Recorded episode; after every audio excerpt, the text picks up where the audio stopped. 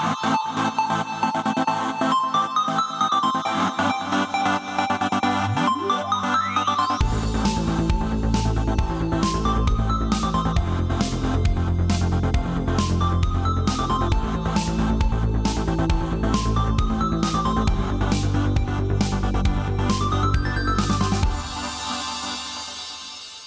Hallå där allihopa och välkomna till ytterligare en veckas avsnitt av Nördig Podcast. Jag heter Fredrik, med mig har vi Jesper och Matte och det här är avsnitt nummer 326. Hur står det till gubbar? Det står helt okej okay till, tycker jag nog. Jo, det står Aha. bra till. Det lät nästan lite tveksamt. ja, det står, du var så här, mm, ja, ja. ja. Det var nog för att jag eh. slängde in ett nog där, tror jag. Mm, Eller jag tror, tror det är nog. noget. Ja, jag, är jag tror nog det. Jag är ganska, nu kom det ett ganska. jag är ett... Mm. Du är relativt säker. Jag är relativt eventuellt. säker på att eventuellt står uh, ganska hyfsat uh, Mm, eh, mm. Okej. Okay. Åh gud, det här rinner ut. Uh, det här är dagens i alla fall agenda. Vi kommer prata om allting från Forza Horizon 5, Riders Republic, Voice of Cards, Demon Turf, kanske lite Guardians of the Galaxy igen. Och sen så har vi Aquaman, King of Atlantis och Eternals för att nämna några filmer och tv-serier. Um, självklart kommer vi ta upp mängder av nyheter och månadens spelsläpp också. Det är ett uh, ganska fylligt program idag känner jag. Ja, det, det var nästan lite drunkningskänsla när jag skulle kolla alla nyhetsförslag. Mm. Och jag var så här, åh herregud, det är som en lavin. Bra, men då tar vi den där lavinen i hornen nu ja. här och hoppar in på nyheterna. Uh, först tar vi lite Sony då. Uh, och uh, just som det ser ut nu så har det läckt ut via Steam då. Det är folk som har hackat att uh, Sackboy, a big, a big Adventure ser ut att komma till PC. Eh, förvisso var det här en av de spelen som var i den här GeForce Now-läckan som skedde för ett tag sedan. Eh, men nu så här i efterhand när man nu vet att till exempel God of War som folk såg i den läckan tänkte jag men det här kan väl ändå inte. Nu är det bekräftat, kommer till Epic nu i januari. Eh, men just att Sackboy står med har ju vissa andra, det, det, är väldigt intressant utifrån en aspekt och det är ju tidsrymden sedan det släpptes. Mm. För om det släpps redan i 2022, mm. eh, eller redan nu snart här, så är det ju ganska, när, när kom det? Det måste ju vara i slutet på... Ja. På, jag tror det kom eh, dagen PS5 släpptes eller något sånt. Mm. Det var väl en launch-titel. Uh, Returnal eller vilket? Nej, mm. Sackboy. Sackboy, Sackboy. just det. Ja. Precis. Mm. Och det här fönstret egentligen, och det är ju intressant. Nu, nu är det självklart får man ju ta det här med en nypa salt. För det är ju läcker hit och dit. Och även om Steam har råkat lägga ut det. Det gör det lite mer credible, ja. Men varför har de dragit tillbaka det? Och vi vet ju inte när det släpps heller. Uh, jag skulle säga att jag tror, den kommer ju släppas tror jag med all säkerhet. Men frågan är ju när då. Mm. Um, men vad som, och det, kan, det, här går ju in i nästa nyhet egentligen då. För att Sony har ju nu skapat en ny label. Eh, och den här labeln heter bara Playstation PC. Eh, och det är där de kommer pusha sina, eh, det är som en, man kan säga, kalla det som en publisher ungefär. Fast den är en PC-publisher då för Playstation. Och den kommer då förmodligen finnas på Epic och andra kanske plattformar. Stadia eller liknande, vad vet jag. Ja. Um, huvudsaken i alla fall PC då, uppenbarligen. Och det här är ju intressant då just för att det här steget de tar nu på att vi visste ju att de har ju släppt ett par stycken eller ett par stycken. De har släppt ganska många ändå av sina större spel och vi vet ja. att God of War kommer. Mm. Men nu är det, det här fokuset är ju, det sätter i sten mer eller mindre att vi kommer se förmodligen snabbare releaser på PC. Jag skulle tippa på att de kanske har sett försäljningen. De vet att det är en mogen marknad numera för digitalt, de flesta köper digitalt idag. Ja, så är det ju. Um, och, och förr, för 10-15 år sedan när, när många laddade ner, den scenen är mycket mindre idag. Det finns en scen vad gäller just film, mm. alltså ladda ner film och sånt. Men just att ladda ner spel, idag när man kan ta ner från Steam och Epic och allt vad det heter så är just behovet så mycket mindre för att crack och allt vad det heter som ja. måste appliceras är och du har ju en hassle liksom. Och det finns ju plattformar som också ger ut spel utan någon Precis. extra kostnad med. Så det, jag tror att man på så sätt har minimerat piratandet vad det gäller mm. spel. Exakt. Väldigt mycket. Och sen i och med den konkurrensen som är nu, vi har ju Xbox, de släpper mm. på Steam. Ja. Och vi har Playstation som köpt in sig på, eller Sony som köpt in sig på Epic och släpper på Epic. Ja. Det skapar ju en konkurrens och konkurrensen får, jag menar, jag, många nyare spel släpps, ta Kina till exempel som släpptes samtidigt på PC. Mm. Eh, det kostar 400 spänn bara. Det är inte ett det. jättelångt spel. Nej. Men det finns många spel som är storspel som inte är jättelånga. Mm. Så jag, jag, jag, tycker den här trenden på att de dels får ut dem snabbare, eh, peppar peppar, och att de får ut egentligen alla spel. Det gynnar bara dem och det gynnar community, gynnar de, oss, vi som spelar. Eh, det ja. enda den inte gynnar, det är hardcore fanboysen som gråter just nu. Ja, men vad... Ja. ja, ja, men det... Nej, jag vet inte om någon vettig människa gråter för att fler får spela. Ja, men, men... för mig är det ungefär som uh, små killar som uh, lipar och grinar för att det är tjejer i träkojan.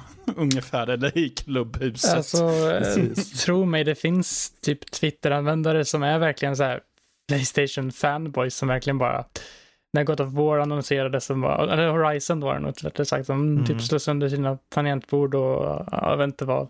Så det, liksom, men, det, det, finns, men alltså de kanske inte är eh, de det, det, det, det, är så orimliga reaktioner bara, jag fattar inte. Men där är ju någonting, det, jag tror, för att bara ta fanboys överlag. Mm. Och vi är alla fanboys på ett eller annat sätt, men kanske jo. inte på den extrema nivån. Och det är ju det som är grejen.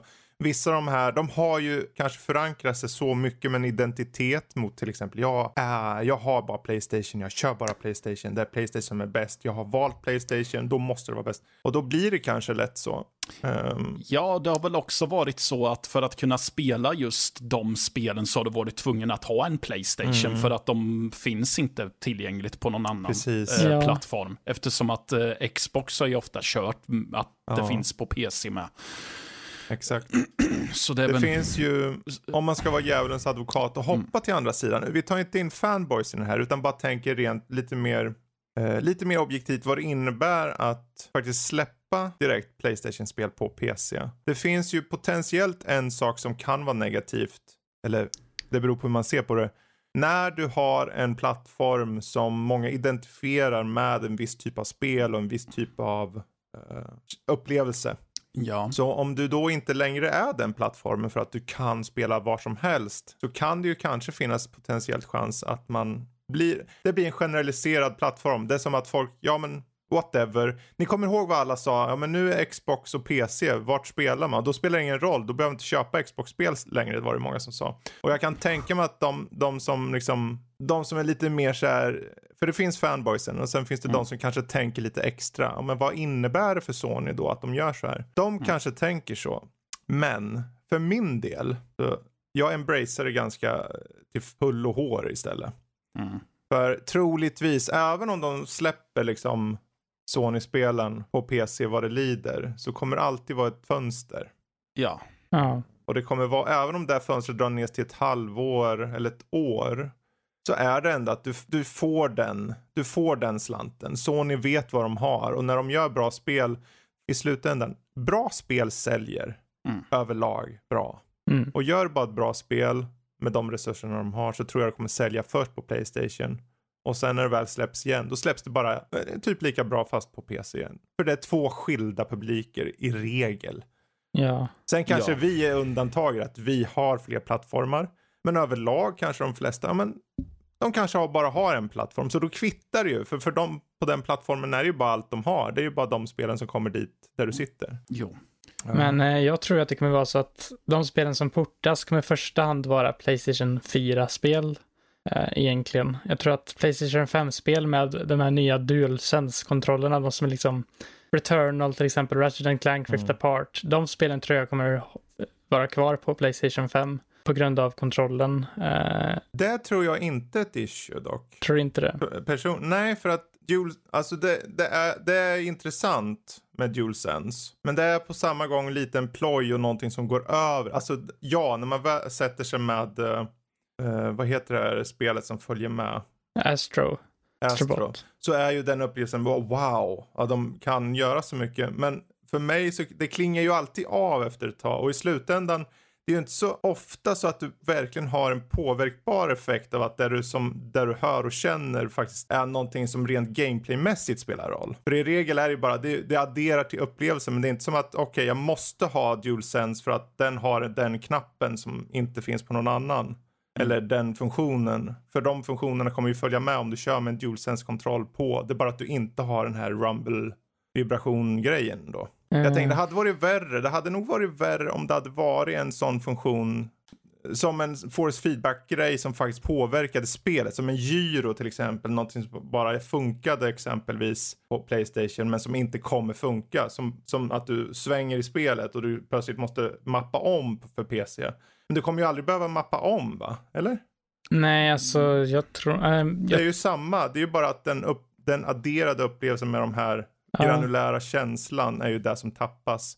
Men jag tror inte spelen definieras riktigt av det. Ja, det jag, sättet. Jag tänker mer på typ Ratchet och Returnal som har den här, eh, man håller inne en knapp, eh, en viss mm. liksom du håller inne äh, trigger-knapparna i en viss äh, vad heter det, grad så du kan få olika typ skott och sånt beroende på hur, ja, hur, hur hårt du håller inne dem och sånt. Jag tänker att mm. det går ju att överföra på ett sätt men det blir inte riktigt samma sak om de gör det tänker jag. Nej. Men jag vet inte.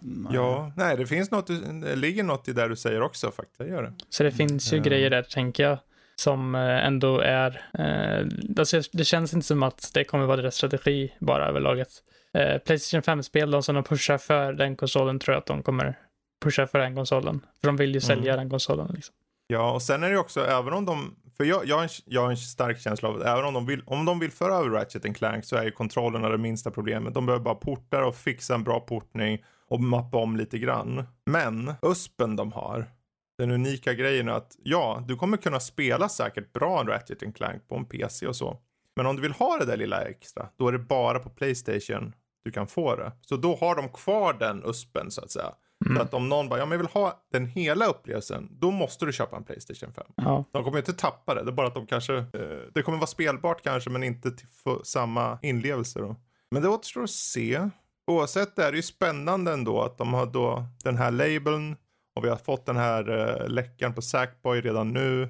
Uh, och då har det ändå snackats om Ghost of Tsushima, Horizon Forbidden West, Dark Demon Souls-remaken. Till och med både Returnal och Ratchet Clank var ju de som var med i läckan också. Mm -hmm. mm. Men, uh, och Helldivers 2 bland annat också. Så det är intressant att se vad det, när och om det kommer. Ghost of Tsushima har det snackats så länge om. Ja. Så den, det... den är, det är bara en tidsfråga om ja. den kommer. Um, och om de redan har släppt Horizon första så då lär ju inte uppföljaren vara ett problem. Och nu är det ju lättare än någonsin med tanke på att PS5 är ju också, precis som PS4 var en, liksom, det är, det är, det är en PC liksom på många sätt och vis. Um, som sagt med uh, God of War Ragnarök kommer ju absolut troligtvis släppas uh, på PC. Ja, absolut. Uh, så. Det är just det där tidsfönstret då, hur mycket de, de Det blir ungefär som med bioreleaser, att de kan från för, bolagets sida, okej okay, vi från fall till fall välja fönster för att de kanske vill maximera vinsten mer. Och det är egentligen det enda som håller dem tillbaka. Det är nog en fråga, jag skulle säga att det är snarare en fråga om när för alla spel. Eh, från PS4 och framåt. Det är värre med PS3ans titlar för den processorn var en påse mjölbaggar. Det, ja, det är så tråkigt med det för PS3 är den som en, man kan inte göra, köra dem bakåt kompatibelt Nej. med fyran eller femman. Uh, Nej, precis. Så det är lite, det hade mm. varit jag tycker det hade kanske varit lite mer intressant nästan om de hade portat typ PS3-exklusiva saker till PC. För det hade fått kanske till och med Playstation-publik att kanske gå över till PC och testa. Ja, och där ligger ju problemet att de, de, den arkitekturen på PS3 är så, den är bara väldigt konstigt eh, skapad så att det blir väldigt svårt. Det finns ju emulatorer, eh, men att få spel att fungera bra ja. i och med att de är gjorda ut, ut efter den arkitekturen har varit extremt, extremt svårt. Eh, och jag tror den, den efforten som det krävs om nu de skulle göra det eh, från Sonys sida. Jag tror inte det är värt för dem rent ekonomiskt bara. Det är så mycket de måste göra. För det är så lättare på PS4 när det är, redan där börjar de ju den här PC-arkitekturen. Eh, så att den, de typer av portningarna från 4 och framåt, det är busenkelt. De är ju PC egentligen. Så, men PS3, men, men med det sagt, vem vet? Vem vet? Jag menar om tio år när datorerna är starka nog, då kanske det är bara inga problem. Det är bara frågan om vem som vill köra PS3-spel istället förstås. Men ja, de ja, kanske ja. blir remasterade eller något så. Ja. Um, ja, och angående just läckor då. Vi kan ju ta det här samtidigt. För det var ytterligare en GeForce-läcka här. Eh, som den här gången hade även med releasedatum då. Uh, och än en gång, alla får ju ta det här för det, det här är en tråd på Reddit uh, där saker och ting har läckt då. Ni tar den med en nypa salt. Eller två skottkärror, det väljer ni själva. Men där har vi i alla fall ett gäng datum. Och det blir ju intressant att se om de här stämmer då. Alla datum har ju, ska vi ta några som står ut så är det väl Final Fantasy 16. Uh, ja. Och det ser ut att vara 2023, första mars där. Ja. Um, Forspoken, ett år innan då, alltså nu i mars första mars 2022. Exakt samma datum fast ett år tidigare mm. känns lite märkligt. Det, det, här, alla de här datumen skriker placeholder kan jag ju ja. säga redan nu. För de är alla den första mer mindre nästan. Det finns något undantag på Legend of Heroes Trails from Zero. Men det är så ganska typiskt uh, placeholder-datum. Men att de är relativt säkrade i månaden gör att det blir åtminstone lite mer exakt. Det kan ju innebära att, uh, att det är den månaden de kommer ut. Eller att det fram till SIS senast det datumet. Det vill säga att det kan komma exempelvis om det står första mars så kanske den kommer någon gång i mitten av februari till exempel. Fram till eh, ja. mars. Eh, så det, det, är nog lite, men däromkring, det, det finns stor chans då att de kommer landa i närheten av de här datumen. Är det utöver Final Fantasy 16 Jesper, är det något annat du känner, men det här vore nice att se om den kommer ut på PC av de här? Uh, alltså det känns som att uh, vet, Shin Megami Tensei 5 står ju här på den här listan till, mm. andra, mm. till februari 2022. Den släpps ju mm. redan den släpps ju nu nästa vecka på Switch som en Switch-exklusivt mm. spel. Uh, så frågan är hur, hur, Nintendo ser på det med licensen och så, om de vill släppa det så tidigt. de släpper ja. ju Monster Hunter Rise nu nästa år i början, vet jag. Precis. Så, jag tror nog att för Nintendos del här så, jag vet inte hur mycket de har att säga om det i och med att Atlus har det här. Uh, för det är väl Atlus som, som äger Shin Megami Tensei, det är ju inte Nintendo. Jo, men Nintendo äger väl typ, de är ju publishers tror jag av det här. Atlus, Atlus har ju släppt många spel, jag menar det är ju Koch Media som sköter dem. Tror dock att det är uh, Nintendo som sköter just den här, för de har liksom, eh, ibland så är det liksom att Nintendo sköter istället, som typ eh, mm. eh, Tokyo Mirage Sessions tror jag det hette. Det var det ju Nintendo Bergsala här i Sverige som skötte det till exempel. Ja, ah, okej. Okay. Jag tror att det är samma sak med Shin Megami Tensei 5, för uh, Shin Megami Tensei 5 var, det är liksom, det är ett spel som är utvecklat för switchen, uh, med switchen i åtanke liksom. Precis. Ja, fast det är ju, om vi säger så här, det är åtminstone bra till switchen för det lär ju inte vara svårt att porta om det blir så. Jag, jag, kan dock, jag, kan, jag ser ju inga problem i det. Jag menar, det, hade det varit Nintendos egna så hade det verkligen varit big no-no. Men att här är chansen åtminstone större då. Med tanke på också att serien sen innan, jag menar trean fanns på Playstation och... Ja. Det... Och alltså de har ju funnits på andra plattformar så det känns inte som att de är så här bundna liksom. Tvåan har funnits på Playstation också så jag. Alltså det är Playstation från första början mm. tror jag det var. Jag tror tre, eh, fyran tror jag det. Fyran och fyran Apocalypse, Apocalypse mm. eh, dens uppföljare då, eh, är 3DS-exklusiva spel. Precis. Men eh, det är väl, det, de kanske inte är liksom portvänliga på det sättet som femman är. Eller? Nej, 3DS är väl mindre sådär, för det blir ganska lite mer slutet med tanke på hur man mm. styr och har sig och så. Jo, kanske. det är det. Uh, men Switch-spel är nog lättare. Det är ju, nu när man ändå sett, det är ju en stor våg av PC-portar egentligen till. Men fan, till och med Dusk kommer ju till Switch. Ja. okay. Allt, retro alltså... shooter, allt. Allt som är relativt äldre sådär eller har en äldre typ av motor är ju inga problem liksom. Mm. Ja, uh, det... Så, samma åt andra hållet känns det som. Men det blir intressant att se. Jag menar, kommer det så kommer det och det vore ju intressant. Kingdom Hearts 4 mm. dock känns det som en grej som är lätt, lite så här.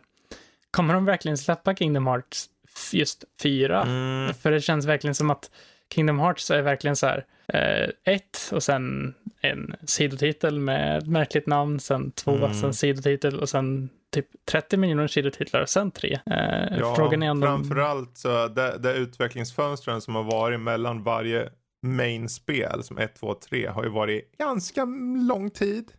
Mm. Så. Um, Men med tanke på det, de, de har sagt Kingdom Hearts ska ju nämligen ha ett stort event eh, i början av eh, 2022 har de kommit ut med och okay. sagt. Eh, I samband med att Sora kommer till Super Smash Bros. Mm. Eh, för då hade de det, en trailer för 25-årsjubileumet. Uh, för det, eller inte 25 år, 20-årsjubileumet för Kingdom mm. Hearts. Då ska de ha ett event med det nästa år som de Precis. sa, you don't wanna miss it, it's gonna be big, typ. Så någonting ja, kommer ju komma där. där. Ja, och, men varför? Ja. Å andra sidan, jag menar, vad, vad, vad står det? 2023 står mm. det där. Det är ju då fyra år efter trean. Det är rätt lång tid egentligen. Och dessutom, Square vi lever i en värld idag där ut, publisher vill få ut oftare. Om de vet att de sitter på en känd licens, varför ska de vänta tio år? Ja. Till exempel. Mm. Och halvera den. Det, på ett sätt vore det ju dumt att inte släppa.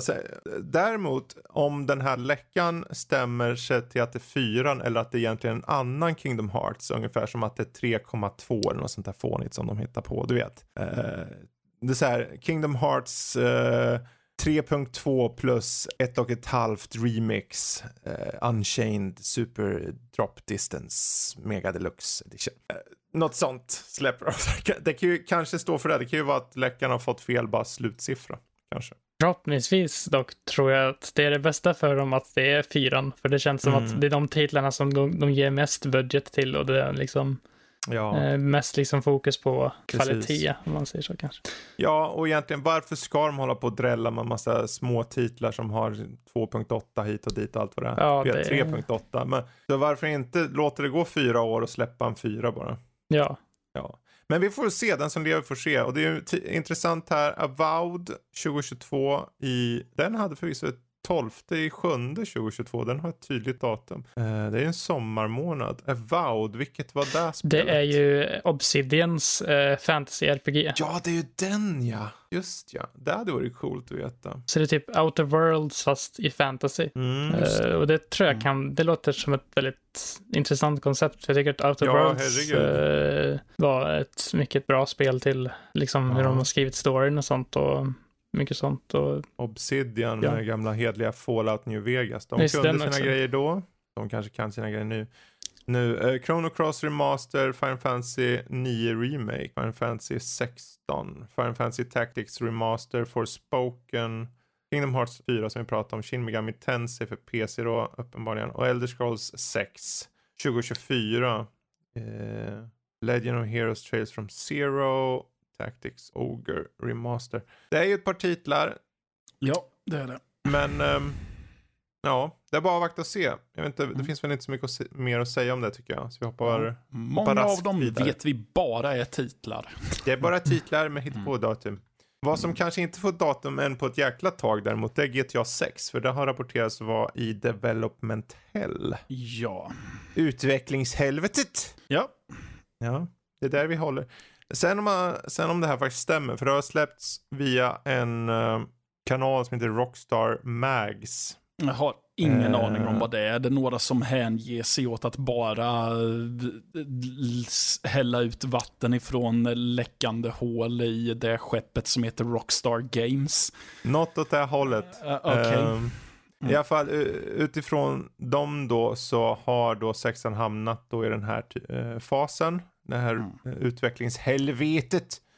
Ja. Uh, de har startat om då enligt uh, Rockstar Mag uh, utvecklingen efter Dan Houser slutade och han slutade ju i fjol typ. Yep. om det stämmer, ja då får vi nog vänta ett tag kan jag säga. Ja, de har inte ens kommit ut med att det ska komma ett GTA 6 Nej. överhuvudtaget heller. Nej, herregud, de kom ju ut med att det skulle släppa femma nu på nya generationen. Så... Jajamän. Och det blir uppskjutet tills nästa år det ja. med va? Ja, och enligt den, här, enligt den här artikeln så eh, hade tydligen Take-Two tänkt att eh, annonsera GTA 6 redan 2020. Mm. Men eh, sen så har det var, tydligen varit problem med mm. att, eh, ja, men att han, vad han nu hette, slutade och att eh, de tydligen har ändrat storyn väldigt mycket. Mm. Flera gånger tydligen, antyds det som. Mm. Så det låter nästan som att de inte riktigt är helt säkra på vart de vill ta spelet. Nej, tror det är viktigt att ta det först och sen, det, kanske, det, alltså det kommer ju inte på sju, åtta år nästan. Nej, precis. Nej, om, om den ens kommer överhuvudtaget. Mm. Jag har till och med slutat tänka på GTA 6. Helt och hållet så. Ja, mm. jag gav upp efter typ Vice City, så mig ska ni inte fråga något om. Nej, jag vet redan att du inte är, ska vara en talesperson för GTA. Jag får inte vara det. Nej. Uh, ja, ja. Ja, så är det med samma. Det, det, än en gång, det är ju en läcka och bla bla bla, salt hit och dit och allt det där. Jo. Um, ännu mer salt. Uh, Red Dead Redemption Remastered också uh, då ja. claimats från, uh, från samma ställe då, Rockstar Mags. Mm. att det är på väg till konsoler och PC.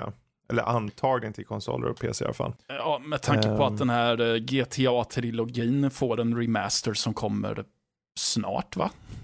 Ja, mm. i det, jag tror det kommer den här månaden va? Ja, mm. precis. Så känns det inte helt omöjligt. Och det har väl varit på tal om ett bra tag. Ja, precis. alltså det känns ju verkligen som att, alltså det var det konstigt om de inte portade Red Dead Redemption till moderna plattformar eftersom att det är ju en uppföljare till tvåan egentligen storymässigt. Så de som har kört tvåan kan ju köra ettan och liksom få eh, fram, eller liksom liksom ta vidare på nästa del av storyn. Liksom.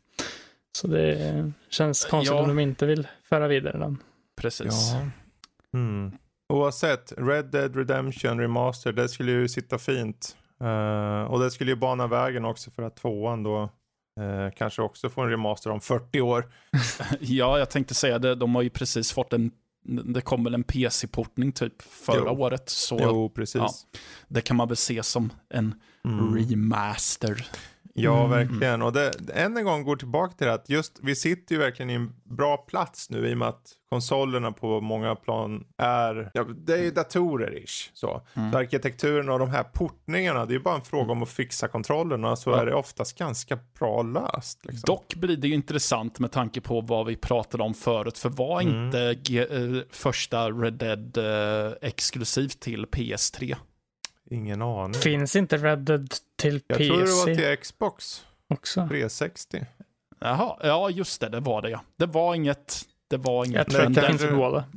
Den jo, generationen. alltså det fanns på båda. Det fanns ja, PS3 och Den Xbox. generationen i alla fall. Ja, mm. precis. Mm. Men då var det jag som var ute och cyklade med exklusiviteten bara. Ja, just det. Så jag får hänga upp cykelhjälmen på hatthyllan igen och... Ja, vi får se upp, annars hamnar du i utvecklingshelvetet. Men ja, det finns inte första, ja. alltså vanliga originalet till PC, Red Dead Redemption? Nej, Nej det, det gör det inte. Nej. Eh, det har ju ryktats om det länge och så, men det har inte blivit av. Sen kom ju tvåan. Eh, ja. Så det, egentligen, det är ju, jag känner väl mest att det är ju, herregud, en liten remaster på det och slänga ut det på PC och tjäna en slant. Ja. Det är ju lätta, lätta ja. pengar. Du behöver inte sätta något jätteteam på det bara för att porta eller porta, remastera. Det är inte, man ska ju inte förenkla och säga en remaster eller vad det är. Det är busenkelt. Det är säkert mycket jobb också, men. Jo. Um, det är nog en tidsfråga känns det som. Det är nog en tidsfråga. Uh, ja. Vad som också är en tidsfråga det är när The Book of Boba Fett släpps. För den här, det har släppts en trailer nu på den här kommande tv-serien som är indirekt egentligen uppföljare på The Mandalorian då. Jag trodde ju att ehm. det skulle vara en film först. Utan det var först mm. i slutet av trailern som jag fattade att jaha, det var här var en tv-serie. Precis. Uh, det är ytterligare en anledning till varför jag kanske ska titta på The Mandalorian för en gångs skull, ja. typ. Um, ja. Ja, alltså jag har ju aldrig riktigt förstått uh, fäblessen fullt ut för Boba Fett. Mm. För för mig har han bara varit en uh, frän rustning. Mm. Och det är och, helt rätt. Ja, och uh, har inte, jag har således inte ens varit särskilt intresserad av att veta mer av honom. Mm. För att jag känner att han tjänar det syftet han tjänar i Eh, ja, är det i Empire han dyker upp första gången. Precis. Ja, och ja. i Return of the Jedi där. Ja, så, uh, det, det som... Ja, du kanske vill fortsätta? Ja, ja, jag skulle bara säga att det är all Boba för att jag har känt att jag behöver. Mm. Men ja, jag ska inte vara obstinat för obstinathetens skull heller. Ja, om vi säger så här, det har ju mycket att göra med hur Mandalorian slutar. Mm. Uh, han kommer ju in i Mandalorian till viss del där. Uh, och får, det, det, är ganska intressant, jag tycker det är ganska, en bra start för karaktären där. Uh, och de använder sig av uh, Hamuera Morrison som var med i prequel-filmerna. Han spelar ju sin egen far då. Ja. Mm. så det finns ju lite kul saker där. Men framförallt så, den, vad de sätter upp i Mandalorian är egentligen att det, han tar över typ Jabba. Och som ni märker, jag, jag, säger det här för att det ser man i trailern så det är liksom ingen ja. spoiler tycker jag. Nej. Men han tar ju över för det palatset där den gode Jabba the Hutt en gång fanns. Och mm. Hut, Huttis eh, imperiet eller vad man vill kalla det. Imperiet, att ta i, men klanen eller gänget, banditerna. Um, jag, jag, jag är inte heller, jag skulle inte säga att jag är någon så här superpepp på det. Men jag var ungefär på samma nivå inför The Mandalorian. Mm. Och för då hade jag sett mycket, det, du vet alla de här Last Jedi och allt vet, de nya trilogierna och det liksom, man ja. var så, det kändes bara som att, ja, ingen bryr sig. De bara bajsar ut saker. Och sen kom The Mandalorian och det var genuint välspelat, genuint bra skrivna berättelser. Visst, det fanns lite highs and lows, den tv-serien då. Mm. Men när jag då fick det svart på vitt och kunde komma in i en karaktär som egentligen inte emotar mer än sin jäkla hjälm i den serien. Och här har vi Boba Fett och, så, och då kom Boba Fett in och man bara, det här finns någonting här. Okej. Okay. Få mig att tänka, okej, okay, jag har tillit till John Favreau och eh, Dave Filoni. Mm. Uh, som leder just tv-serierna uh, mer. Uh, huruvida det blir bra eller inte, ja, vi får se. Eh, men det släpps i alla fall nu, vad blir det, december va? Mm, står det? Eh, om inte annat så har jag, jag har för mig på fett. Ja, där, eh, 29 december släpps det på Disney+. Plus. Eh, ja. Det släpps faktiskt jäkligt mycket nu här inför jul på alla kanaler. Eh, mm, Witcher, sjukt, Witcher december. Ja, precis. Just det. Mm. Va, vad tänker du då Jesper? Jag tänker att jag känner att den ser lite grann, alltså jag får lite typ Mandalorian-vibbar av att kolla på den faktiskt. För att det är ju lite den här personen i rustning som mm. det kretsar kring. Uh, jag har fortfarande inte sett klart hela Mandalorian än. Jag har typ sett mm. början och sen jag vet inte vad som hände. Det var någon lite seg del som jag kanske typ kom av mig på. Uh, jag tror det var på typ sjätte eller sjunde avsnittet in eller något. Kanske. Ja, just det. Uh, men jag borde ta och se klart den för jag har ju hört att liksom, det blir riktigt bra i säsong två. Ja, jag satt ju och älskade alla avsnitt nästan. Det fanns de som var sämre och då sämre som att de var mer, ointressanta, mer ointressanta. Sen fanns det ju de som lös. Och sen dock blir det ju på sista avsnittet, den, den tänker jag inte säga något mer än att se sista avsnittet. Det, blir, det skulle vara kul bara att prata med dig om och se vad du tycker om det. Ja. För mig som är en gammal räv, när jag såg sista avsnittet av första säsongen, ja det finns tekniska problem. Men när jag såg det som de visade i den, då fick jag en känsla som jag inte har fått sedan jag var liten. Oj. Den här äkta Star Wars-känslan. Eh, den känslan. Men det är för att jag har en koppling till det på ett annat sätt. Så. Det, det, det är, inte, det är inte objektivt för fem öre här. Men det okay. sista avsnittet fick mig bara, åh, äntligen har man lyckats få till något här och de fick till det här. Och jag längtade att se mer. Men det var en tangent. Det här ser väl ut, det kan ju bli bra. Och de ja. har bra folk som leder och så, så vi får hoppas. Man kan ju inte säga så mycket mer liksom. Nej, exakt. Nej. Mm. Eh, vad som man kan säga lite om däremot, det är ju stackarna, eh, eller stackar och stackar, Nintendo hovar ju hem pengar. Men eh, trailern för expansion pack på, till Nintendo Switch online är den mest ogillade någonsin sett till deras content där. Eh, och ja. eh, det, är ju, det är ju en reflektion på vad vad många känner inför just det här expansionspacket då antar jag. För just nu så, är, om, jag vet inte vad ration blir här, men det är 100, 160 000 lite rundat personer som har ogillat mot 18 000 som har gillat. Så det är ju Oj. ganska hög ratio mot. Och någonstans tänker jag, men när kommer, när kommer Nintendo lyssna? Jag, tror alltså... inte det, jag tror det är för lite folk för att de ska lyssna på det här om jag ska vara helt ärlig. Man kan tycka att 150-160 000 är mycket men på det stora hela så är det bara en blipp för dem. Jo. Ja, alltså de har inte lyssnat på andra saker som till exempel fixa sin nätkod för mm. uh, Switch online. till exempel, eh, det var ju en väldigt stor grej där med när corona drog igång och folk som typ tävlade i Smash Bros och andra Nintendo-spel eh, hade liksom fix, eh, de hade en stor eh, hashtag på Twitter, fix ultimate online och massa mm. sådana saker. Det lyssnar ju de inte på för fem öre. Eh, och sen, det här är liksom, alltså det känns ju som att Nintendo är två divisioner. En business-division och en som skapar spel. Och den business eh, jag vet inte om det är lite svårt att hålla med om ibland, tycker jag. Business-sidan, du, du, jag tror du är definitivt på rätt spår här. För business-sidan, de, de, de, är inte, de är lika lyhörda som en död antilop ungefär.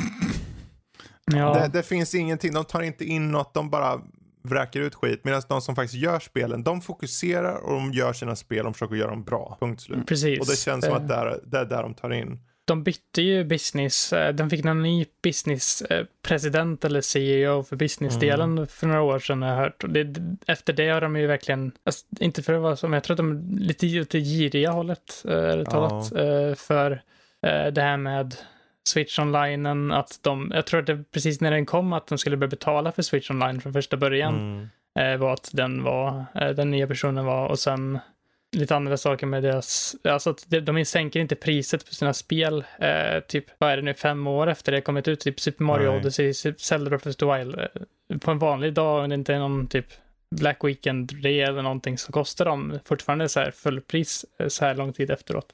Hoppsan. Eh, och lite sådana saker är ju lite på grund av det. Och det är lite synd också för det känns som att de har lagt här Switch online-grejen eh, för 64 verkar som att de har lagt verkligen minimal effort på att eh, mm. göra den till någonting speciellt. För de har ju tagit liksom bara portat över och inte typ optimerat på något för ett öre tror jag. För att, ja, och en gammal emulator också som... Ja.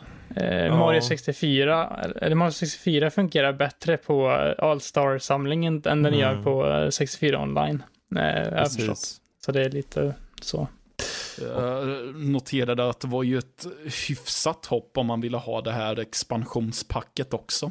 Jo, alltså det mm. kostar ju mer än dubbelt bara för att uppgradera till den. Eh, mm. Exakt. Och det är intressant för du har en expansionspass till en online-tjänst alltså. Ja, mm -hmm. för att få tillgång till vad är det, Animal Crossing och uh, Genesis bibliotek. Och 64. Nintendo 64, ja. Och, ja, exakt. Mm. Ja. Ja, Animal ja. Crossingen kostar ju då 250, doll, äh, 250 kronor typ.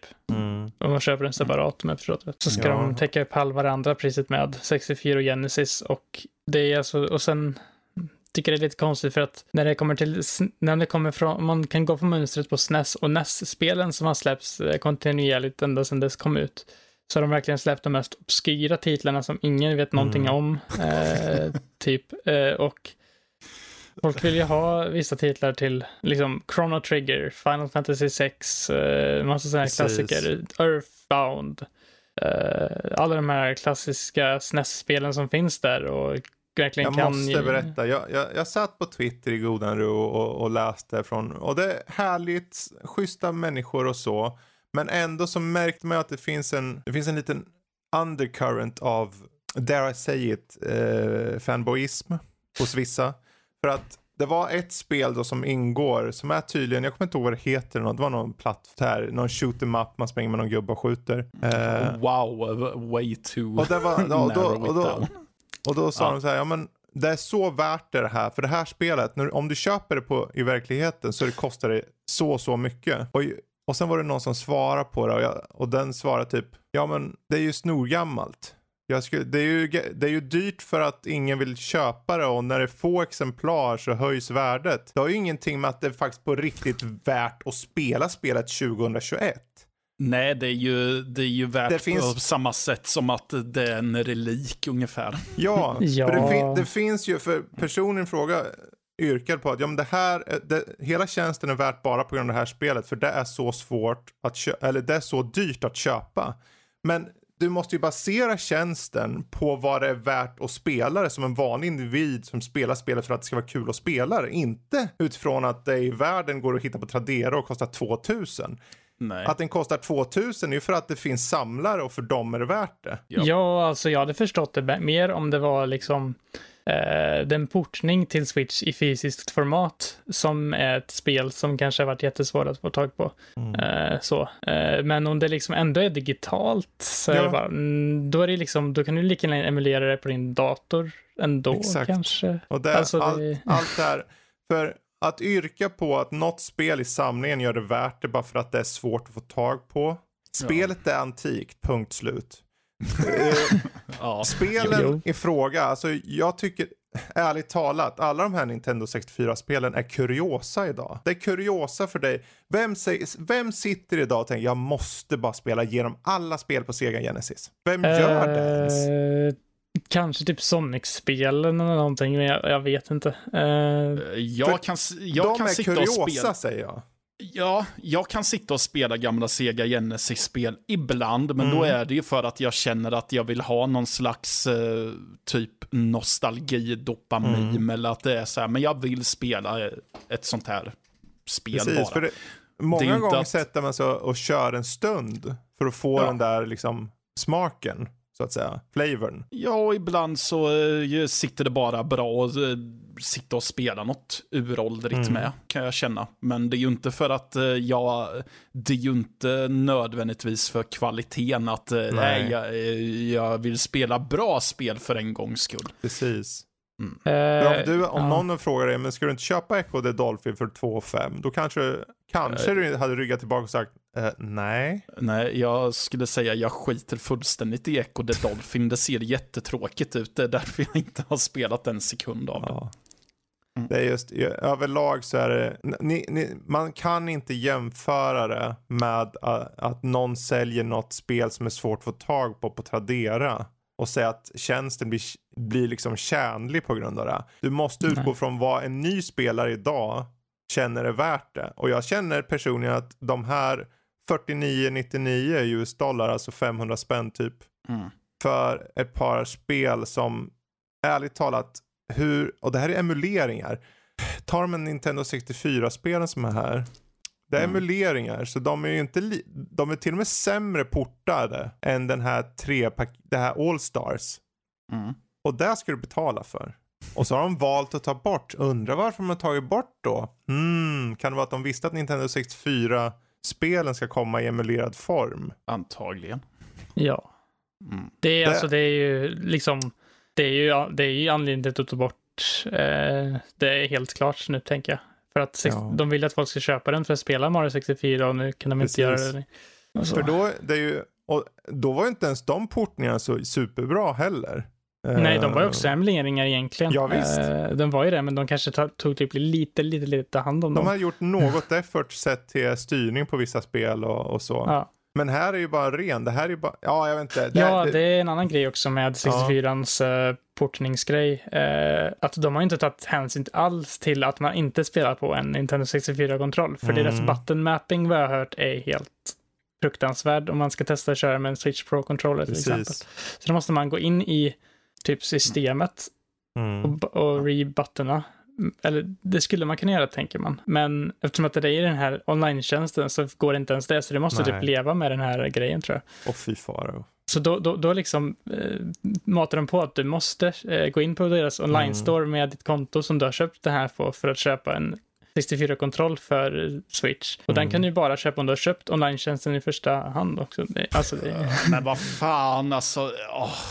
Det är lite så här. Är, de är giriga och vi vet det. Ja. Och det problemet är, först ska jag bara säga det. Jag tycker att om man älskar och tycker om Nintendo 64-spelen så finns det inget fel i att sätta sig och verkligen njuta av dem. Absolut inte. Och likaså Sega Genesis eller vad den är. Njuter man av ett spel allt du behöver veta. Vad vi än säger här, det spelar ingen roll. Så är det. Nej. Men välj med plånboken och köp inte skit. Punkt slut. Köp inte skit. Ja men herregud, alltså ta, ta inte bara ät. Ja. Det är som att Nintendo har en stor jävla skovel med bajs som de bara trycker in i munnen. Ja. På fansen. Som vet du vad de... Gud. Och fansen glittrar i ögonen och säger ja, ge mig mer. Ja, det var länge sedan jag smakade den här avföringen. Ja. De har inte ens gjort någon effort. Det är en ren, det gamla emulatorer på emulator som var typ 10 år gammal som man har i en Nintendo 64. De har inte mappat om. Nej. Och du måste köpa tjänsten för att kunna köpa en Nintendo 64-kontroller. Förstår ja, jag det, rätt då? Eller? Det, ja. ja, det där är ju så jävla bisarrt. Alltså, ja, alltså vad, det... vad fan? Här, skobla en skovel in till dig. För det är liksom så här, uh, deras online, den finns bara att köpa i deras online store då, eh, Nintendos online store. Och den måste mm. du först ha liksom auktoriserat att du har köpt tjänsten för att komma åt den, eh, mm. liksom att köpa. Men det är ju tur i slutändan i alla fall att Nintendo åtminstone har en jättebra online-tjänst så att du kan köra med kompisar. Nej, just ja, den suger också. Här får du lite mer bajs på skoven. Varsågod. Här får du Testa Super Smash Bros Ultimate eller typ ja, det är väl det bästa exemplet på ett mm. online-tjänst som inte funkar. Finns tack spel som funkar ganska tack bra. Tack och lov att de har utvecklingsstudio som får arbeta själva och ta fram, för spelen är bra. Ja, absolut. Det är inget fel är liksom... på spelen i regel så. Uh, Metroid Dread eller Super Mario Odyssey, alla de här, det är fantastiska spel. Tyvärr så har de någon overlord som skiter i att tänka som normalt. Alltså det finns ingen fötterna på jordet-tänk. Utan de bara bygger ihop en del som en kloss och sen bygger de till en annan kloss. De bara, var ska vi placera? Ja, placera den bara någonstans. Och sen bygger de vidare och skiter i hur det ser ut i slutänden. Det står där rangligt och dant på väg att ramla, men de ah, och så lyfter de upp skoven.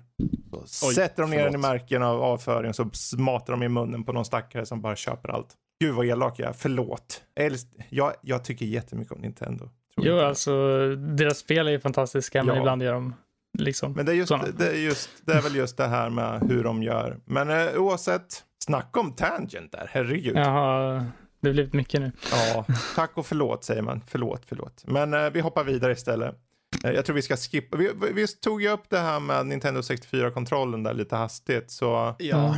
eh, de hade ju uppdaterat Super Mario 3D All-Stars, det som vi var inne ja. på och nämnde där, med eh, en adderad Nintendo 64-kontroller support. Ja. Um, Ja, ja. Men, ja. Ja, men, ja, ja, men man kunde inte köpa den utan att ha... Ja, Nej, du kan köpa den fortfarande fysiskt i typ Elgiganten eller någonting. För ja, att de, de ja, har, alltså ifall du går in i typ i en mediemarkt eller någonting har jag sett typ, att det finns typ jättemånga sådana. Men du kan ju inte köpa den digitalt så deras grej var ju att den skulle vara äh, egentligen äh, att du inte skulle få, kunna få tag på den fysiskt mm. heller. Men det blir så mycket över eller någonting. Ja, alltså skulle de då kräva att alla sådana här eh, hårdvarubutiker, eller om man ska säga, skulle också kräva ett intyg på att jo, men jag har köpt den här, det här är mitt digitala kvitto. jag, jag har köpt online-tjänsten, kan jag köpa ett spel? ja, nej, nej, så, alltså, så kommer de inte göra. Men, eh, det är lite intressant för de de la in GameCube controller support för, eh, vad heter det? Super Mario Sunshine. Ja, precis. Och den behöver ju faktiskt inte köpa en kontroll från något annat mystiskt eh, land, måste säga. eh, för att Nintendo, eller Switch har redan haft en GameCube-adapter sedan innan som du kan koppla in. Eh, ja, just det. För Super Smash Bros är ju ett spel som har mycket mm. Eh, det. Ja, um, vi, vi, lite kort, Morbius kom det ut en trailer på, det kommande Marvel, den kommande Marvel-filmen då, eller rättare sagt Sony-filmen. Med Jared mm. Leto i huvudrollen. Uh, jag, ja. Mina snabba intryck, jag bara river av dem lite snabbt. Uh, det ser ut att vara en vampyr och uh, det är tydligen Marvel och jag vet inte riktigt vad jag ska säga om det mer än så. Nej, och det, det, alltså vad är det mer att säga? Den, den Marvel-filmen Vampyr och min enda relation till eh, karaktären är att han var en återkommande karaktär i den gamla ah. tecknade Spiderman-serien ifrån 90-talet. Det, det, enda som jag blir konfunderad mm. kring är vart, mm. vart exakt spelar här, utspelar det sig här? För att det har ju hänt saker i Venom-universumet. Och Venom-universumet är ju tydligen separerat från där våra kära Spiderman är. Ja. Um, I alla fall fram till en viss punkt. Ni får själva titta, jag tänker inte säga något mer än så. Mm. Uh, och då är det ju sagt, för det, grejen att Venom är ju producerad av Sony och Sony vill ha sin egen värld. Det är hela det som är grejen. De har en egen värld och nu har de ju så här parallella eh, dimensioner och allt vad det heter. Mm. Så då funkar det. Men i den här trailern som visar de ju så här, de visar saker och ting som är från vanliga MCU samtidigt som de visar saker och anspelar på Venom. Som är från deras, och de rent, om man ska se till um, vad som har hänt i filmerna så borde det inte kunna gå att referera till för det har inte hänt än. De har inte liksom kommit in i samma värld.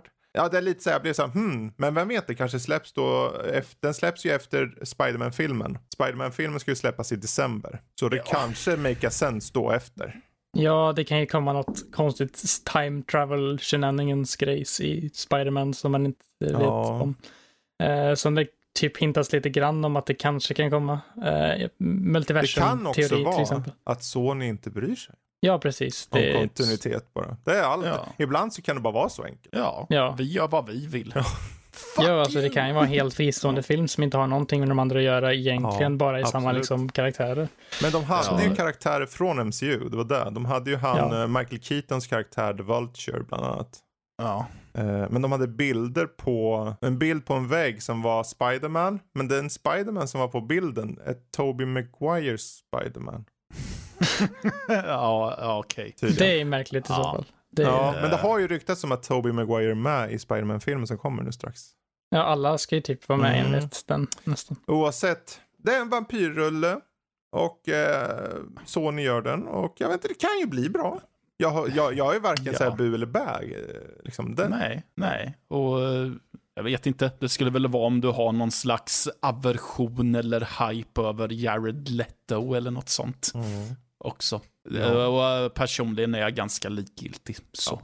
Ja. ja. Så kan det vara. Så kan det vara. Mm. Sista nyhet nu då. Uh, och uh, nu är det Square Enix här då. För, vi ska se om den här jäkla sidan funkar. Uh, nej, det gjorde den inte. Square Enix har ju mer eller mindre ännu mer skovlar i ansiktet på stackars, i det här fallet utvecklare. Just det. Mm. För uh, Marvel Avengers has been disappointing medger då Square Enix och hintar då mot att Square, uh, Crystal Dynamics kanske inte var den bästa uh, utvecklaren för jobbet. En utvecklare som hållit på nästan mer eller mindre singulärt med singelspel de senaste, ja inte så mer än typ 10, 20, 30 år så.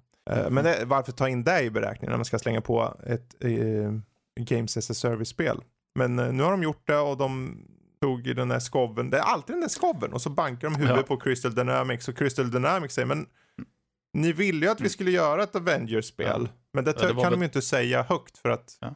Jag ser det också som att de kastar ner dem i uh, lejongropen eller mm. något sånt där också. Det känns, ja, det känns lite som att, ja, ta, ta det här nu, ni ska göra Avengers-spel, ja, punkt slut, bara gör det åt mig, det ska vara live service, det, mm. liksom, kör på.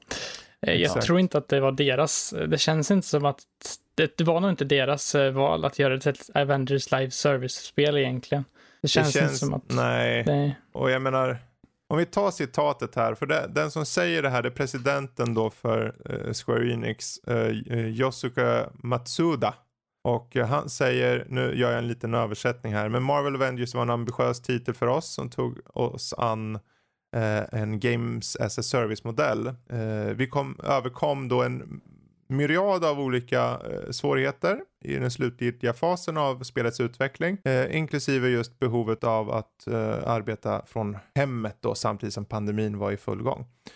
Eh, vi, vi kom över våra utmaningar och släppte spelet men tyvärr så har det visat sig inte vara framgångsrikt på det sätt vi hade velat. Och sen så går han mer eller mindre in och säger att eh, ja, att uh, Crystal Dynamics mer eller mindre kanske inte var den perfekta Uh, the perfect fit på Marvels Avengers så som de uh, rent originellt hade uh, föreställt sig. Ja. Och det är ju fint hur de säger det, men samtidigt säger de mer eller mindre, ja alltså det är ju deras fel. Mm. Ja. Och då är det ju Square Enix själva som säger det för någonting som de med all säkerhet själv, det är ju inte som att de inte vill ha ett Games as a Service-spel, för det är ju förmodligen de som ville det uppenbarligen. Gud ja, det är deras namn så. Ja. Uh, så det, mm. jag tycker det, det, är synd på många sätt att de gör sådana uttalanden. Huruvida mm. vi, om vi har läst något fel i det här utifrån denna, de eller de mm. artiklar, för det finns flera artiklar som tar upp det här. Um, uh, det återstår att se, uh, men om vi tolkar det rätt så är det precis det här de säger. Och jag, nej, jag vet inte, vad ska man tycka mer än att det är lite Ja, ja. det är fult. Ja, ja det känns det inte det snällt. Det känns verkligen som att de har tagit en studie bara slängt på, varför de har liksom, det är deras, bland de större västerländska studios mm. de har. Så bara slänger på även, liksom en Marvel, eh, liksom Avengers, och de har ju slängt på eh, Eidos material, mm. nu eh, Guardians of the Galaxy också. Eh, mm. Och det gick ju tacksamt nog bättre i alla fall. Ja, mycket bättre. Um, tycker jag. Just, och Crystal Dynamics har ju haft mer, tidigare i veckan, det kanske ni har läst, men eh, för, vid eh, utannonseringen för två år sedan så sa de att de skulle aldrig ha mikrotransaktioner. Eh, pay to win eh, mechanics. det hade de ju nu, det kom här för ett tag sedan mer eller mindre. Och i veckan som var så kom de ut med, jag tror det var på Twitter, de sa för, mer eller mindre excusa sig själva. De ska ta bort de här så kallade Hero Catalysts och Fragments Extractors. Mm. Som är då saker som man kan köpa via den här Game Market-grejen som finns i spelet. Som de inledningsvis sa att de aldrig skulle ha. Och då tänker jag, men hur kom de på att de skulle ha det? Ja, det, det, det, här är ju pengar som styr, som den gode norsken skulle ha sagt. Eh, och jag har en, alltså det är ju Square. Ja, det är Square där gånger. också. Ja, Men ja. de får bära hundhuvudet bara. Det är ju bara så det är. Det är väl liksom bara, alltså ni har gjort så dåligt jobb med att sälja det här spelet. Alltså, vi måste ju ha pengar på det. Ni slänger in mm. mikrotransaktioner nu med Och när de får då en backlash, då är det ju utvecklaren som får stå där och komma ut med utannonseringen. Och säger, ja. vi ska ta tillbaka det här för det var en sån backlash. Vad kan de göra? Det är ju inte som att uh, Matsuda själv går ut kanske. Eller var det? Ja, mitt fel. Nej, Nej det kommer han ju inte göra. Det är, det är inte Final Fantasy här eller någonting. Det ju... Ja, det var... Ja, det finns ju inte mycket att säga mer än att vi tycker väl nu alla att det är fult gjort bara Square Enix. Att de kunde ha gjort det på ett finare sätt. Att de kunde, de kunde själva sagt vi har tagit fel väg. Det är ja, det enda de kunde ha sagt. Alltså, prata om dem som ett kollektiv mm. lite mer tror jag. Precis. Ja, det ska bli intressant att se sen hur det blir med det eh, nya live service-spelet Babylons Fall som de eh, låter Platinum Games. Eh, Just det. De som har gjort Combaten i Nier Automata och eh, Bayonetta-spelen. Eh, hur det blir i eh, den typen. Eh, mm. För det verkade ju också varit ganska dålig reception på den trailern där när de annonserade att det var ett Game Live Service-spel. Precis. Oh well, vi rundar av ja. det där. Hej då nyheterna säger vi och uh, hoppar istället in på faktiskt sånt som vi själva har sett, sånt vi har spelat. Månadens spelsläpp då? Ja, jag hade tänkt ta det faktiskt efter, mm. men vi kan ta okay. det nu lika gärna faktiskt. Nu när du säger det. Bra att du ja. sa det. Vi kan ta, vi tar månadens spelsläpp istället. Och då är det alltså novembers spel och då just de spel som står ut lite. Vi har ju kommit in ett par dagar på, på den här nya månaden, men eh, redan nu om vi, vi tar AAA-titlar först, de lättaste. Call of Duty Vanguard släpps imorgon, den femte, i spela, inspelande stund. Uh, vi spelar ju in den, fem, uh, den fjärde redan, lite tidigt i och med att vi drar till Comic Con. Eh, uh, bara varför vi säger imorgon. Men uh, Vanguard är ju, den kommer ha singelspelsaspekter som tydligen ska förändra en, lite ett och annat. Så den kan vara värt att se, se efter. Uh, och sen har vi ju uppföljaren till Jurassic World Evolution. Så gäller man Tänk Theme Park fast det är typ dinosaurier som äter upp dina besökare. Ja, då får du ett nytt i det och den släpps den nionde. Samma datum släpps Forza Horizon 5. Uh, eh, om du inte har då den fetaste utgåvan för då är det early access på den redan den femte, det vill säga imorgon då. Mm. Um, Shin Megami Tensei från Atlus då, den 12 november uh, till Switch. Uh, fått väldigt, bli... väldigt bra kritik. Jag har sett idag, de har fått ut recensioner från de största mm. publishers där. Det har fått typ 9 av 10, 10 av 10 och sånt överallt. Så det verkar också, samma sak med då Forza, verkar också väldigt, uh, vår gode Fer Erik har ju spelat det och tyckte mm. att det var bra. Så uh, mycket Absolut. Det, det är ju kul att se fram emot lite spel sådär. Um, en liten, uh, vi har ju stora Battlefield 2042 såklart, 19 november. Vi har Pokémon Brilliant Diamond and Shining Pearl som släpps den 19 också. Mm -hmm. um, och sen har vi ju många som ser fram emot Final Fantasy 14 Endwalker. Uh, jag vet att Lotta, bland annat, du också säkert Jesper, ser fram emot det. Uh, ja, expansionen. Det blir spännande att se hur de avslutar arken i mm. den här långgående Precis. storyn. Det, det, är ju några av de stora titlarna. Sen har vi några små som jag tycker var kul att bara lite snabbt nämna. Den 16 i november släpps Frogwares nya Sherlock Holmes Chapter 1. Som när han är uh, ung. Mm. Uh, som jag tror och hoppas kan vara bra. Um, vi har även då, nu ska vi se. Um, just det, det är kanske lite fånigt men Marsupilami Hubade, Hub Adventure. Så det är alltså ett Marsupilami-spel. Troligtvis plattformar då från Microids. Uh, och de är lite igång med det för de har ett, smurfspel som de också släppt precis. Uh, mm. De måste ha de där belgiska spellicenserna eller någonting tror jag. Um, Och nu innan här, för några dagar sedan släpptes också ett peka och klicka-äventyr som heter Conway, Disappearance at Dahlia View. Som jag förhoppningsvis också kan vara en liten indiepärla. Peppar, ja, peppar, jag, peppar. Jag hoppas det. Jag har haft ögonen på det uh, ett tag mm. i alla mm. fall. Så. Så, eh, mm. det, är väl de, det är väl ändå ganska många mm. stora titlar som släpps nu i eh, där. Sen, um, ja. Sen är det, det, är ganska diverse i alla fall. Så jag tror, det är ju, så, det är ju inte en sån där månad som att, att den har du vet som vissa månader för ett par år sedan när det var, liksom, det var tre, fyra, fem kanske storspel som alla vill ha. Nu är det, det är storspel, men jag tror det är storspel som är så här, de har sina publik, eh, olika publiker liksom. Så jag Dock tänker, är det saker som intresserar mig typ alltihop, för jag tycker att jag mm. känner mig ganska diverse i det. Så ja, det och det är jättebra. Men jag tänker för de flesta, antingen spelar man ett bilspel eller så kör man kod. Kanske inte är samma i regel publik. Nej, um, kod kvittar nog, men... till exempel, eller ja, den precis. nya GTA-trilogin. Det är kul att den kommer den uh, elfte, men ja, Sherlock Holmes är också lite nischat. Mm. Men det är kul ändå. Ja. Och Battlefield som nu går all in på multiplayer och skippar singel. Det är också ett val och den kommer också ha en specifik publik tror jag. Pokémon framförallt är en specifik publik, uh, känner jag. Dock en väldigt stor publik. extremt stor. Ja, Pokémon. fast hur stor är den i väst? Jag vet ju att den är stor i öst. Den är rätt stor i väst ja. också. Jo, det finns ju många barn Shin Megami Tensei är ju stor i öst och inte så stor i väst i alla fall. ja, precis. Precis. Men det är just det där att det, det, det, det, är, en, det är en skön varierad spel liksom, uh, månad ja, framför oss. Det, det är kul att se. Och, det finns någonting för nästintill ja, alla. Precis. Ja, mm. precis. Mm. Uh, av ren nyfikenhet, av alla de här, om ni måste välja en som ni tycker det här, det här vill jag spela eller har spelat. Ni kanske redan spelar något. För det är, vi kom in ett par dagar på den här månaden. Vad ser ni fram emot mest? Bara ett eller? Ta två då. Ja, uh, Conway och uh, Sherlock Holmes. Mm, myspys. Mm. myspys. Mm. Uh, för mig är det nog Shin Megami Tensei 5 och Final Fantasy 14 Endwalker. Mm. Ja, det är bra uh, grejer.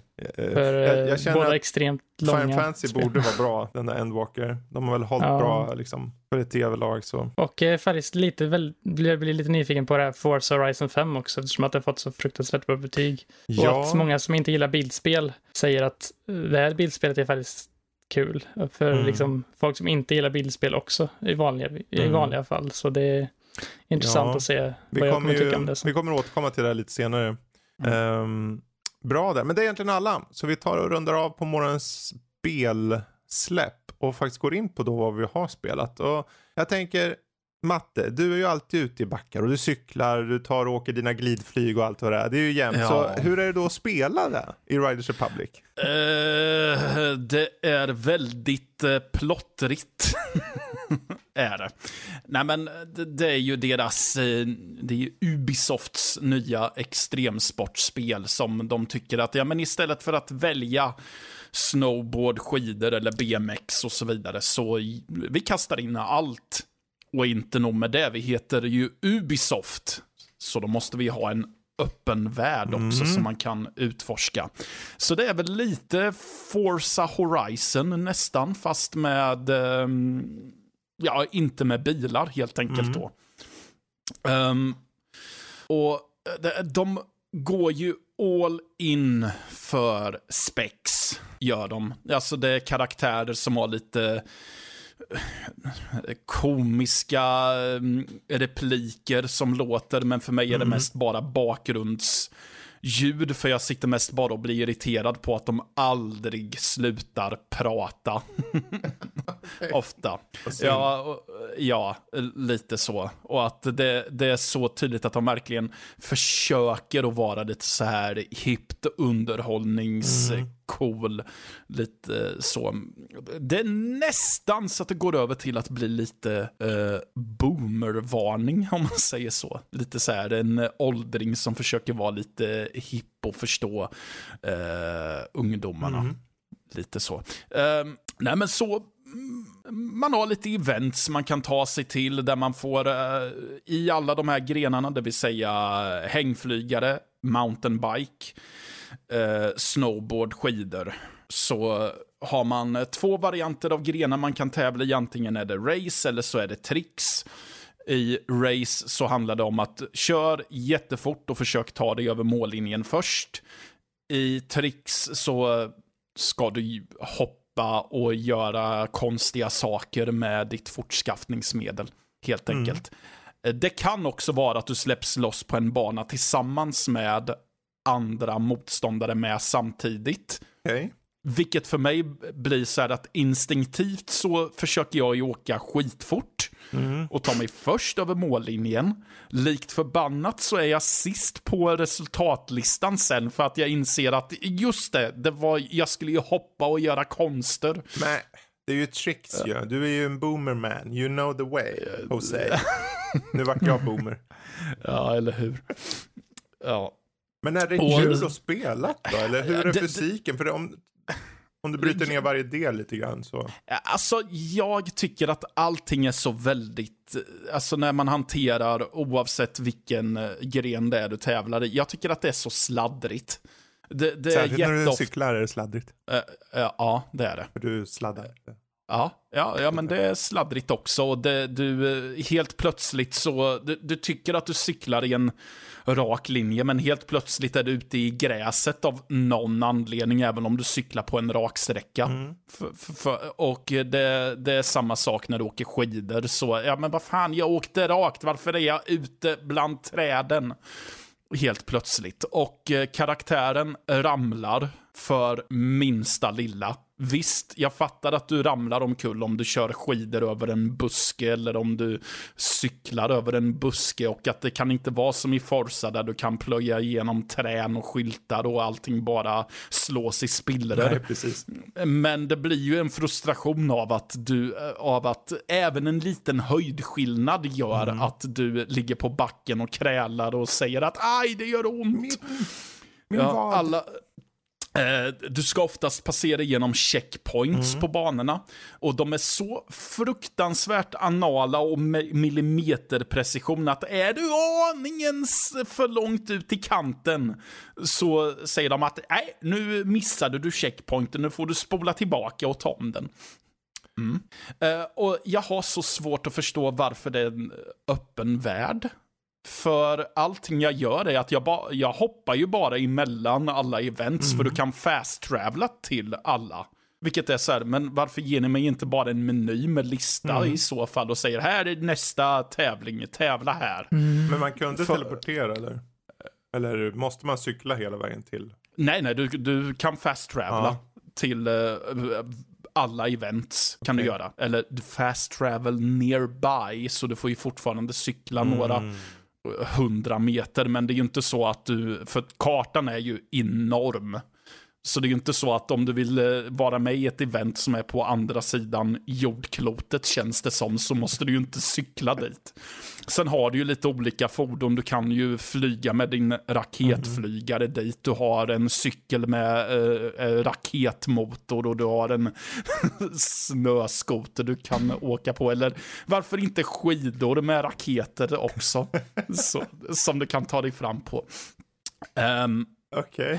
Och, eh, och det, det, är ju här spexet kommer in mm. igen, för det spelar inte heller någon roll vilket underlag du är du är på. Du kan åka snowboard på asfalt och du kan åka skidor mitt i öknen och du kan cykla när det är eh, när du har typ snö upp till eh, Navel. höft, ja. naveln ungefär kan du göra.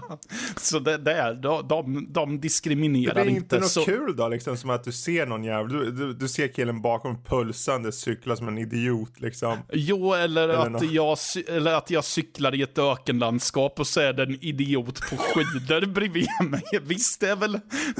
det låter som något man kan streama i alla fall. Ja, Eller? jo det är det ju, men det, jag har ju så svårt att ta det seriöst då. Men de tar det väl inte seriöst? Det nej, nej, uppenbarligen inte, men jag ville väl ha det lite åt det. Du vill ha lite mer stramt, lite mer uh, återhållsamt kanske, så att du vet lite uh, lättare ja. vad du ska, eller vad, vad är grejen? Ja, jag mm. tror det. Och grejen är den att det så, de vill ju att du ska utforska kartan, men det är ju inte som att du stöter på NPCer som säger ah, kolla in min eh, fräcka bana här. Det finns Utan, inga hemligheter som att du kan cykla lite här och var och så plötsligt hittar du, ah, här ligger det. Jo, du kan hitta så kallade relics som är typ, du, du kan hitta en damcykel med lite eh, bl blomkrukor på som du kan cykla omkring med istället ja, om du känner för det. Relic. Ja, ja, exakt. Så lite sånt och du kan fotografera dig vid landmärken och så. Det finns ju stunt. Mm. banor som man kan köra om man vill eh, svära halsen av mm. sig för att de är så fruktansvärt svåra. Mm. Finns det någon story då man följer med? Alltså, du, du är en eh, du är en åkare, en rider, som ska börja, som kommer till ett ställe som kallas för The Republic. Det är, det är någon eh, gammal uh, föredetting som har startat upp det här som är som ett community med en massa andra åkare som tävlar i extremsporter och mm, ja, så. Det det du, du, ska tävla, ja. du ska tävla i events helt Precis. enkelt och bli den bästa. Och det finns lite kul saker kan man väl säga som att det, det, finns tävling där du tävlar mot andra spelare på servern om vem som gör bäst tricks. Mm. Det finns någonting som heter Mass Race där du racear mot ett 40-tal andra okay. spelare. Ja, ja, det är jättekul när man ska cykla för eftersom att det är online och allas uppkoppling är lite sådär så hackar de lite så här och du hör bara eh, ett jävla susande av cykelhjul mot asfalt överallt. det, okay. och, alltid nästa... och sen en kille på skidor nerför backen där. Nej, alltså under racen ja. så är det, är det ett cykelrace, då är det bara cyklar ah, okay. du kan använda. Så det är inte så att du kan komma med skidor till ett cykelrace. Det hade väl det kände till och med de kanske var att ta det ett steg ja. för långt. Ja, det var illa om man liksom åker i öknen och så blir man omkörd av en uh, skidåkare i öknen. Liksom. Ja, men det kan i och för sig förekomma för att under vissa race så är det ju free-roamande spelare som kan komma helt plötsligt. Som det kanske är någon som kommer med en snöskoter när du håller på och, och cyklar. Som åker tvärs över banan bara. Det, det, här är ett sånt där spel som låter kul när man pratar om det, men det är kanske inte kul att spela alltså. Nej, nej alltså, jag, jag, jag, kommer på mig själv med att tycka att jag inte tycker att det är så jättekul. Mm. För att eh, när, när jag inte deltar i några event så blir jag lite så här, men vad ska jag göra nu? jag hoppar väl vidare till nästa. Mm. Och, det är väl det som är grejen grejen tror jag. Kanske med spelet, att man ska ta sig an event som om igen. Ja, jo, det, det, är väl det. Men eh, ja, det är ju där jag återigen kommer in i att då hade man lika gärna kunnat ha statiska menyer för min mm. del och bara säga så här, ja, nu är nästa event här, uh, åk dit. Uh, eller tryck här så kommer du dit, mm. mm. typ. Um, och ja, och plottrigheten är ju som på kartan. Det är ikoner överallt. Dels för platser där du kan tävla. Mm. Men du ser ju också en massa vita eh, symboler som eh, illustrerar alla spelare och hur de rör sig på kartan. Mm. Så att det är en massa vita symboler som rör sig så här också. Okej. Okay. Eh, alltså, oh. Kors och tvärs och ingenstans. Det är inget dåligt spel. Jag hade väl velat ha lite tajtare kontroller. Mm. Jag kan uppskatta på ett sätt att du får välja mellan två varianter av kontroller. Det är antingen Trickster eller Razer. I Razer så har du full kontroll över kameran. Mm. Eh, men det är lite besvärligare när du ska göra tricks. För att då gör du det med um, ja, om du spelar med en Xbox-kontroller, A, B, X, Y-knapparna för att göra frontflips och okay. grejer. Medan i Trickster så byts eh, de grejerna till spak, höger ja. och vänster spak istället. Skiljer det sig? Om du, du har cykling, du har glidflygning, ja. du har skidåkning och allt vad det heter. Är det ja. liknande kontroller på alla eller är de ganska olika? Som att kanske cykling är bättre eller är det sämre? Eller uh, liksom... de, de, är, de är liknande till alla, men det, jag tyck, upplever störst skillnader med cykling mm. på ett sätt. Mm. För det är ju där du vill kontrollera ja, hopp och precis. grejer så. Um, och det är också det, för att är du ute och, cyk- är du ute och cyklar i det vilda till exempel, och du vill eh, och du har trickster-kontrollerna igång och du känner att ja, jag vill vrida kameran åt höger mm. för att kolla vad som finns där borta. Då börjar snubben hoppa som en idiot för att höger, höger spak är hopp. Oh. Funktionen okay. där. Oh, så, mm. så då börjar han bara skutta upp och ner. Och så, just det, jag måste byta till racen. Så nu kan jag justera kameran lite. Ja. Mm. Men Riders Republic, ja. jag tänkte vi kan ju avsluta där egentligen. För är det så ja. att ni vill skutta in i recensionen som kommer när kommer den? På måndag? Tisdag? Ja, ja, ja på eh, måndag. så har jag. du kanske lite mer på djupet där. Uh, ja, det blir väl mer då. ingående. Ja, och, men det är inget dåligt spel. Men jag är väl inne på att det kanske inte riktigt är för mig Nej. nödvändigtvis. Precis. Så. Mm. Ja, intressant. intressant. Jag, tänkte, jag är lite nyfiken på det här Voice of Cards. The Isle, ja. Isle Dragon Roars. Yes. Uh, The Voice of Cars Idle Dragon Roars är ett nytt spel utvecklat av eh, Yoko Taro och Yosuke Saito som är eh, grundarna till, eller Yoko Taro är ju den kreativa hjärnan bakom Nier-serien. Mm. Eh, nu har ni tagit sig an en helt ny eh, spelgenre, vilket är typ en slags kortspel. Eh, kan man tro att det är i första hand i alla fall.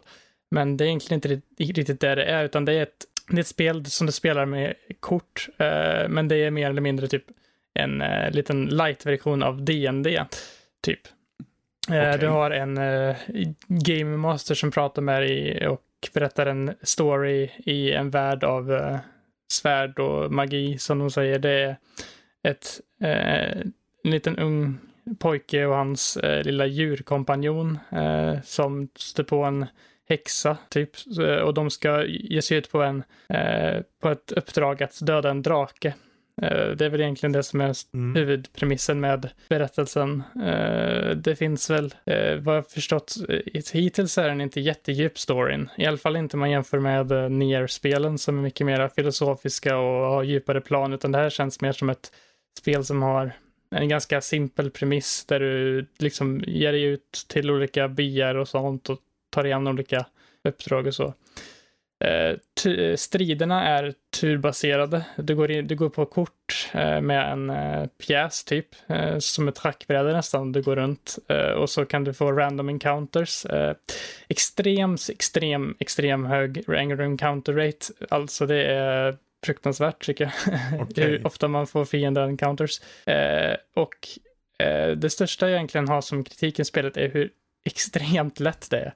Det ah, okay. finns typ ingen utmaning i det överhuvudtaget. Du kan, du kan typ äh, förstöra en, en boss på bara några drag och du, ja, det är verkligen jättelätt. Uh, och jag har ändå kommit typ tre fjärdedelar in i spelet tror jag. Uh, men något som jag kan säga är väldigt, väldigt bra, precis som i alla andra spel av honom, det är att han har tagit till eh, Keiichi Okabe, eh, kompositören bakom nerspelen, så det, musiken är riktigt bra. Mm. Eh, eh och du kan välja att köra med eh, Nier-musik också om du vill. Jag har testat det lite grann. Okay. Eh, så det är intressant och jag tycker att ja, det, ja, det känns väldigt som att det börjar ta lite mer intressanta vändningar nu i slutet. Men det känns inte som ett spel som är kanske hans bästa spel, men det känns ändå som ett ja, det är intressant att han tagit den här eh, genren och, det, att, och applicerat den på liksom tabletop-RPG mer eller mindre. Mm. Eh, och att det är kanske är lite missvisande för de som inte vet vad det här är, eftersom att Voice of Cards, låter som att det är ett typ vanligt kortspel. Det finns ett kortspel, typ ett en kortspel, typ lite pokeraktigt minispel i spelet, som är mer åt det liksom traditionella kortspelet. Men eh, Överlag så är det mer ett JRPG eh, med lite, du, du får lite events och sånt, precis som i DND, när du går runt på kartan.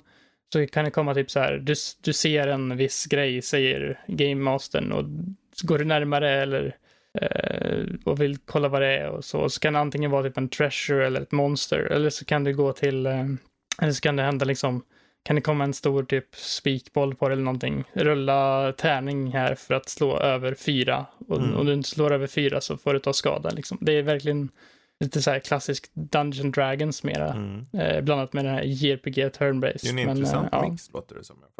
Ja, ja, det är verkligen så här att de släpper det så snabbt in på att de utannonserar det också. Mm. Tyckte jag var intressant. Också.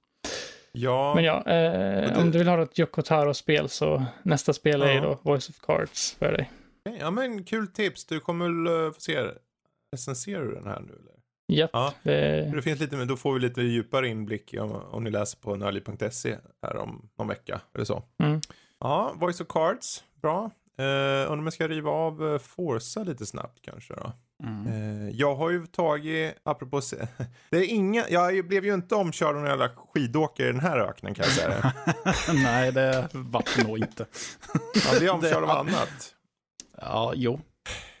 Forza. Mm. Det här är ju för bilspelsfans som gillar arkadracer så är det ju självklart ett jättebra spel. Jag, jag körde ju ganska mycket på fyran när det kom. Man kan säga att jag körde snoret ur fyran faktiskt till och med. Mm. Eh, och det finns, om man ska ta, alltså det finns ju ingen story på det här sättet men de har ju en gående kampanj och du, du, skapar din avatar. Du får till och med välja pronomen för den. Du får skapa ta, liksom, registreringsnummer och allting det, och accessibilityn till spelet är väldigt så här, du kan anpassa hur du vill för att få det precis på nivå som passar dig oavsett om du eh, har eh, någon form av handikapp eller inte till och med. Eh, mm.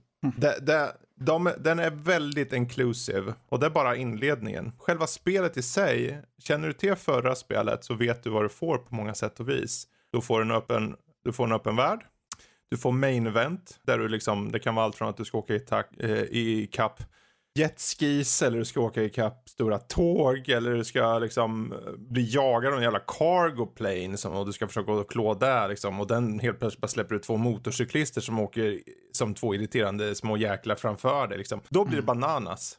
Och sen har du alla små race och sånt som alla bara adderar till att ju mer du spelar för din rank åker upp hela tiden. Och varje gång du går upp i rank så får du en så kallad wheelspin. Det är som, tänk en enarmad bandit, men du får den gratis. Och den ger dig alltid något. Så spelet ger dig saker jämt, som att en progression konstant. Och ökar du svårighetsgraden så får du procentuellt mer credits. Så att de, mm. De säger det, mm. öka svårighetsgraden om du vill. Du kan köra på, du får fortfarande pengar, du får fortfarande nivåer, du får allting. Men om du ökar så får du mer. Så de liksom gynnar dig som spelare att bara göra det tuffare om du vill. För du får mer. Men du kan också bara köra. Vill åka den där jäkla rakt igenom öknen, upp för ett berg, i din Lamborghini, gör det. Mm. Och det är liksom, det, det är helt fritt för min del, jag som kört originalet, jag känner ju igen mycket av det. För de har ju valt bibehålla själva grunden i det. Som att, eh, och då tänker jag på gränssnitt lite grann och de små, alltså de små eventen är ju mer eller mindre likadana. Om man inte har kört något annat innan så tror jag du behöver bara skaffa ett bilspel den här generationen. Och det är det här. Mm. Det här är nog det mest tekniskt fulländade spel jag sett på länge. Det, har, det är inte exakt lika snabbt som PS5ans bästa spel, du vet i laddningstid och så. Men det är mm. där i närheten. Jag tror det tar en sekund att ladda in en nivå. Sen har den ju cutscenes, för du har ju karaktärer som pratar med varandra och ibland så gör du specialuppdrag och då går din karaktär ut som ett ställe ska du placera ut så här radarstationer och skynda dig upp för en berg och, och sen finns det trailblazers läge som säger ja men du är på punkt A, här borta är punkt B. Du ska ta dig till det under den här tiden. Hur? Det väljer du själv. Nice. Och du bara mm. plöjer genom kaktusar, du plöjer genom skog, mm. Alltså, ja. jag säger bara skrik åt alla små djur som gömmer sig där. För de, de har inte en chans när du kommer in hammer. bara plöjer igenom allting. Det är, mm. Jag vet inte vad man ska säga. Just den här kvaliteten som de har valt att hålla det på kommer nog sätta just ribban på vad ett bilspel ska vara på många sätt och vis så är ni också lite konservativ och det där jag tycker är lite tråkigt att de inte vågade göra lite mer. De har nya lägen, ja, de har exp expeditionsläget som är mer eller mindre, okej, okay, vill du starta det här läget? Ja, du kommer in i läget, du är inhägnat område lite grann och du, okej, okay, på det här området finns fem gömda saker. Du ska hitta dem med hjälp av din bil. Som en, som en expedition då. Uh, och när du gjort det så åker du till slutplatsen och sen är det klart. Och klarar du det under tiden eller någonting så mer pengar till dig och lite sådär och ännu mer rank och allting. Och allting hela tiden bara ger dig nya saker. Enda kruxet med allt det här egentligen att i och med att det är så mycket i spelet så är menyerna också väldigt mycket så att säga. Mm. Uh, jag, jag, kan tänka mig att de som sätter sig med spelet och inte har kört föregångaren, för den, den är mer slimmad än föregångaren, men det är fortfarande lite plottrigt tycker jag i menyer. Mm. Uh, särskilt om man inte hänger med i början, för i början, det här är ett open world, så ni vet ju hur det är med open world-spel. Ja, ja, ja, det, det, är så, jag vet, säger du i början, av, mm. och sen 300 timmar in. Hur var det nu jag skulle få fram den här drönaren? Hmm. Ja just det, jag är på menyn och måste gå till femte sidan för Horizon och där finns det bara en stor knapp står drönare. Okej. Okay. Sådana saker. Så häng med när de talar i spelet eh, så kommer det inte vara något problem. Men överlag så är det lite, det är lite plottrigt. Det grafiska och det ljudmässiga är en punkt i sig. De har, bara ljudbilden i spelet är lite, ja, jag blir lite knäpp på det för att det är så jävla krisp. När jag satt med okay. högtalarna och körde samtidigt som du får det är ganska, du har Foo Fighters, du har annan musik som kommer igång. Samtidigt, mm. det är så balanserat den här ljudbilden när jag sitter med hörlurarna. Så jag bara, är det här verkligen så bra? Det låter nästan remasterat eller någonting. Så jag satte det på högtalarna. Och mycket riktigt, den där basen när du hör dina bilar liksom vräka genom tre kaktusar och eh, rakt in i bergvägg. Det låter så mustigt och fett. Så jag bara sitter där. Ja, det här är bra grejer. Och sen har vi inte ens tagit upp grafiken än. Nu är det ju, mm. det är mycket superlativ. Det är på många sätt och vis eh, det är ju fyran igen fast så mycket bättre bara. Så om du förväntar dig liksom att det här ska liksom förändra din värld. Nej, det kommer det inte göra. Men om du vill ha ett spel som är i arkadracing så är det nog det här på den här sidan 2000-talet som är bäst. Okej. Okay. Det gäller bara att mm. häng med i snacket så du inte sitter där i 13 timmar in och bara vad fan får jag tagit drönaren? Eller vad nu du ska mm. göra. För menyerna är plottriga tycker jag. Eh, eller jag, eller jag, jag är ju van vid dem, men utifrån objektivt ska jag tro att de som startar det kan uppleva att det är plottrigt. Uh, och det finns, och det är ingen idé att jag går in på alla de här olika lägena och varenda bil, det är över 500 bilar som du kan hitta. Du kan till och med hitta, eh, vad heter den där som de hade i Tillbaka till framtiden? DeLorean. DeLorean. jag sa ju, jag nämnde ju drönare. För om du, hit, om du start, tar fram drönaren på specifika områden på kartan så finns det så här hemligheter. Om du kör med drönaren och hittar en lada, vips, åker du till ladan så kan du låsa upp en, eh, då kan, då kan du, eh, då hittar du ett vrak av någon bil och sen så byggs den där bilen upp och då är det specialbilar som är så här ultrastark eller special eller whatever liksom. Uh, så det är hela tiden där att det alltid är någonting runt hörnet, eller runt kurvan kanske man ska säga. Um, mm. Nej, jag vet inte. Det, det, är ingen idé att gå in på djupet för det är så mycket i det. Och det, det är så mm. mycket pluppar. Tack och lov, du kan filtrera kartan. Det är mitt tips om ni sitter mm. med det här. Tryck på filtreringsfunktionen och välj, okej okay, jag vill ha den här typen av uh, moment först och beta av, för de tycker jag är roligast. Och så kör du bara kartan bara tar, åker, åk över en åker, åk över ett berg, åk över en öken. och ta det dit. Ha det kul bara. Det är allt mm. det här, ha kul. Ja. Ja, jag har varit sugen på det och jag vart ju inte mindre sugen mm. nu om man säger så. Ja, och du som mm. har ändå kört bilspel. Ja, eh, tack, det här är ju, ni, om, ni, om ni är vana med simulatorer där ute däremot, då ska ni nog inte titta på det här. För det här är så långt ifrån simulatorer som möjligt. Eh, alla, all effekt du har på bilen, det är bara utseendemässigt. Du kan, kör in i en bergvägg i 300 km i timmen och den får ett par skromer. Studsa. Ja. Mm. Ja, vad skönt. Ja. Eh, från mig som recenserade ett simulatorspel mm. förra året som var... Ja, just det. Ja. Det var mer mm. simulator. Bra, men då ska vi se. Uh, ja, jag undrar nu om vi ska ta hoppa till antingen Demon Turf eller Guardians of the Galaxy. Vilken är du mest sugen att bubbla lite om, Jesper? Uh, jo, uh, jag kan prata om lite mer tid, ytterligare intryck på Guardians mm. då kanske. Go for it. Jag har ungefär kommit till, jag tror det var trettonde kapitlet jag kom ja, till okay, nu. Ja, men då är det inte många kvar. Tolfte. Nej, okej. Okay. Eller, jo, det var det nog. Eh, tror jag det var trettonde. Mm. Eh, jag tror det är 16 kapitel. Okej, okay, ja.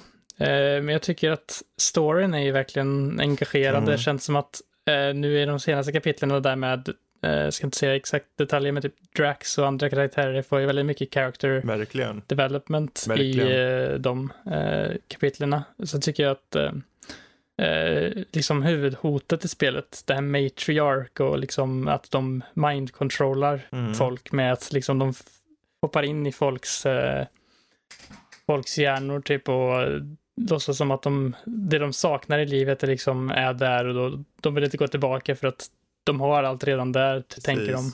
Uh, nu kanske, nu har jag spelat ut lite så det är väl okej okay att säga så mycket. Mm. Uh, men uh, jo, jag tycker att det är en bra del. Sen kanske tycker jag att det kanske blir lite så här som du sa förra gången när vi pratade om det här att vissa fiender är verkligen typ damage sponges. Mm att de tar lång tid att bara mosa ner. Det finns en specifik sort fiende som är typ den kan typ hela sig själv och ja, andra. Ja. Uh, som jag tycker är lite jobbig att det uh, har att göra med. Men jag tycker ändå överlag att Eh, det utvecklas lite grann ändå i mm. combaten med att du får olika abilities med dina pistoler. För du kan ju liksom få en vindkraft som gör så att du kan mm. skjuta, skjuta dem till dig så du kan använda melee Precis. Eh, och dina nävar. Och, och, och, och, lite värmande kommer sen också om mm. du inte redan har fått det. Det finns väldigt mycket pussel i spelet också när du går runt där och liksom ska eh, sätta på, eh, liksom elektrifiera den här grejen för att få igång den här mekanismen och eh, dra i den här med vindkraft för att få ner den här bron eller mm. någonting.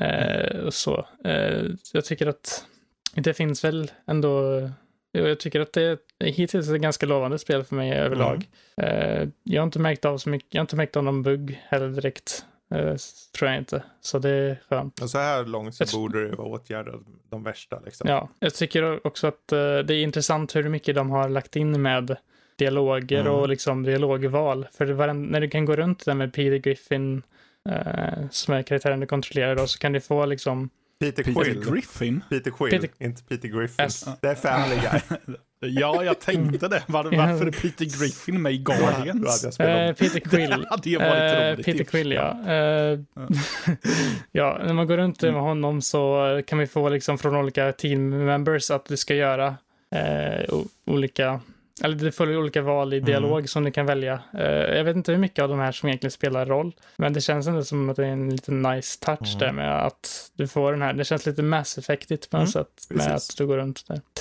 Uh, och sen, jo, jag tycker nog nästan storyn är nog faktiskt bättre än vad jag tycker att filmerna hade mm. i storymässigt. Uh, eller med ganska stor marginal nästan faktiskt. Det känns som att de verkligen har byggt ut karaktärerna här och jag tycker att det hjälper väl också kanske att de har gått på mera comic book-stilen än att liksom ha de här Chris Pratt och de som spelar de här karaktärerna. För det känns som att det passar väldigt bra att ha Peter Quill som det här nya facet om man mm. säger. Så ja, uh, hittills tycker jag att det är ett lovande mm. spel. Om, kanske lite, lite linjärt kanske på vissa ställen. Precis. Jo, men det är ju som jag sa sist att den här storyn, jag tycker som stories goes så är det ju årets story. För mig i alla fall. Mm. Det blir kul att se vad du tycker om slutet sen och, och lite så. Uh, för de här valen och så, eh, de, de, de ger lite flavor till det hela. De, de påverkar inte så mycket, men de påverkar tillräckligt mycket för att du ska få lite payoff senare i slutet. Du, du, mm. Vi kan ta det då när du har kört dit. Ja, spännande, spännande. Um, apropå comics books då. Undrar om jag ska riva av Aquaman här, King of Atlantis den här serien fick mig osökt att tänka på matte. Eh, Varför För att det? den är så quirky och den är så underbar mm. på vissa sätt. Alltså det, det, jag vet inte. Jag vet inte vad de har tagit för några jäkla mushrooms när de har gjort den här.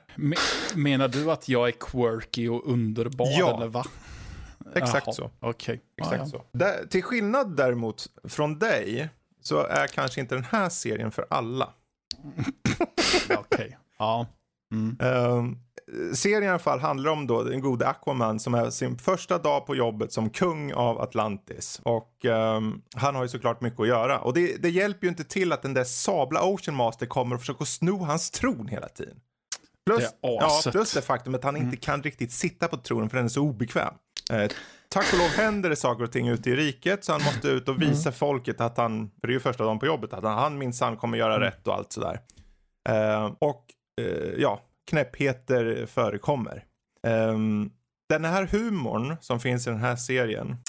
Jag vet inte riktigt hur ska jag, jag vet inte hur jag ska jämföra med något för att ge en bild av hur den är. Men den är, tänk er en blandning av Ren and Stimpy möter Monty Python möter brittisk humor och lite American Bandstand. Det, det, det är en jäkla ja, mix alltså. Och, och allt det här till Och det är det här som gör att det inte är för alla. För den här tecknarstilen de har, den är så... Ja, den är animerad. Ja, den är animerad. Mm. Den är så mm. over the top. Så mm. att du kommer nå, du kommer gå kanske 30 minuter in. För varje avsnitt, det är tre avsnitt på hela säsongen och alla är 45 minuter. Hmm. Du kommer gå in 30 minuter och efter 30 minuter kommer du säga nej jag klarar inte av det här. Eller så kommer du säga jag måste se mer. Och sen så plöjer du allting som är kvar. Men om du når om 30 minuter och säger att du inte orkar för att den här stilen är lite unik. Då har jag helt förståelse för det. För den är lite så här man tänker hur, hur, hur, hur tänkte de nu? Och i varje avsnitt så pussar eh, hans tjej, vad heter hon? Mera. Pussar honom. Ja, ah, du måste få en puss. Puss! Och då är varje gång är det två valar som high-fivar. Och eh, Ja, jag, jag, vet inte. Jag, ja. jag, jag, säger bara se på den här om när ni får möjlighet. Jag har VPN-at den. Um... Ja, jag tänker uh, faktiskt titta på den. Ja, titta i alla fall för, för det, mm. det, kommer vara så att antingen går man åt det ena hållet eller andra. Den finns på ja. HBO Max tror jag. För jag tittade på lite bilder och känner att ja, men, spontant ser det ut som någonting jag kan stå ut mm. med. Om, och, precis. Och, och, sen, sen blir det också det, jag vart ju lite sugen när du började prata väldigt mycket om att det var en extremt humoristisk mm. serie. För nu för tiden kan jag ju inte höra namnet Aquaman utan att tänka på Harley Quinn-serien mm. som kom för något år sedan. Den här mm. är något helt annat och jag tror problemet ja. den har, om jag ska addera ett problem till, att humorn finns där ja. om du har mm. den typ av humor. För okay. det är verkligen den är en, mm. ett enda ord, bonkers. Ja, jag gillar bonkers. Jag, jag vet inte, det är... Mm. Ja, Ja, det vore mm. kul om du såg den här, för du kan nog artikulera det här mycket bättre än mig. För jag vet inte riktigt hur jag ska presentera den här serien. Den är så knäpp mm. i huvudet. Den är bra, den har bra skådespeleri, trots att den är knäpp. Och mm. eh, trots att just animeringsstilen de har är udda. Om du kommer förbi det så kommer du ha mycket nöje här tror jag. Både jag och Lotta satt och gapflabbade ibland. För att det var okay. bara så Märkligt. Den fanns på HBO Max mm. sa du va? Mm. Ah, intressant. Uh, den påminner okay. mig väldigt, när jag kollar på bilder där påminner mig om någon serie jag såg när jag satte på på tvn typ. Uh, när jag var liten som var typ någon blå fågel och någon typ mm. person. Den har lite jag, den där youtuber-animerad stilkänsla känns det som. Mm. Som att de har begränsad budget. Men här är samtidigt, de, har, de har begränsad budget men de har stor budget. det är ju Aquaman. Ja, jag, jag vet inte. Ja, tillräckligt stor för att ha DC-loggan mm. och så. Precis. Mm. Ja. Så Aquaman, uh, helt enkelt King of Atlantis, HBO Max, för guds skull. Uh, ta en titt. Mm. Det kommer inte vara, uh, ni kommer gå 50-50, men ni som hittar och den klickar med, oj. Det är bara tre avsnitt, 45 mm. minuter långa förvisso, men ändå. Mm. från en kommer på till ytterligare en sista jag lovar, förlåt. Jag, tänk, jag river av Eternals här. Gör det. Um, ja, det borde du göra. För att mm. immortals, de här immortal beings, alltså de odödliga varelser som kommer till jorden eh, i uppdrag att hjälpa mänskligheten eh, mot de så kallade deviants. Det vill säga stora monster som har skickats ut i galaxen. Eh, och deras uppdrag är givet av dem en stor så kallad celestial. Tänk er en asstor gud som finns och har funnits i all tid. Den guden har skapat dem för att se efter den här planeten. Är det här allt som händer? Är det, finns det saker som gömmer sig bakom kulisserna? Svar ja. Saker kanske inte är som man tror. Vad man däremot kan se i filmen, den här filmen är ju, den är väldigt vackert filmad.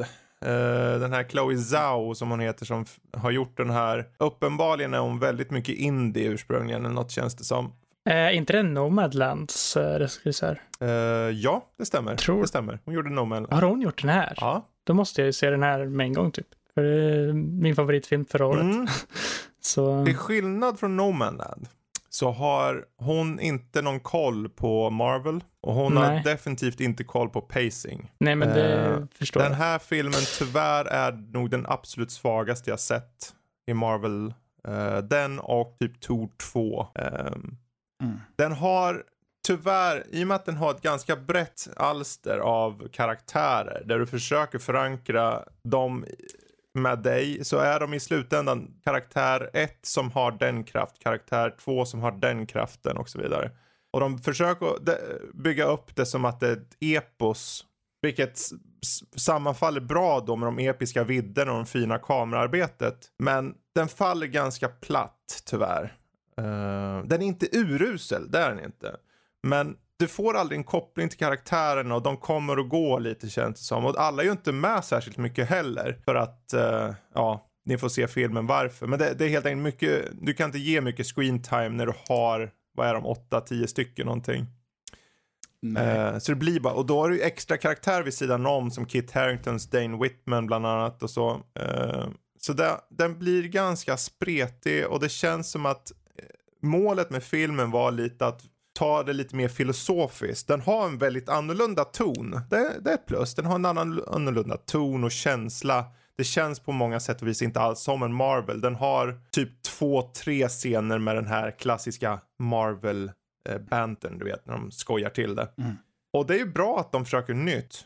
Men om de försöker göra nytt, då ska de fan ha en banger till film i så fall. För tyvärr så är den ganska medioker överlag. Så. Um, ehm, okay. Det är synd. Uh, men med det sagt, alltså, de har ju redan kommit ut och sagt att de kommer inte göra en uppföljare på det här. Men de sätter däremot upp saker. Och mytologin i filmen för de här, alla de här karaktärerna är ju egentligen, du har Angelina Jolie som spelar Athena. Hon ligger till grund till Athena för Grekland, för de har ju levt, de är odödliga. Cersei, Ikaros och så vidare och så vidare. Så man kan, det finns intressant, de går ju fram och tillbaka i tiden lite grann, så här flashbacks.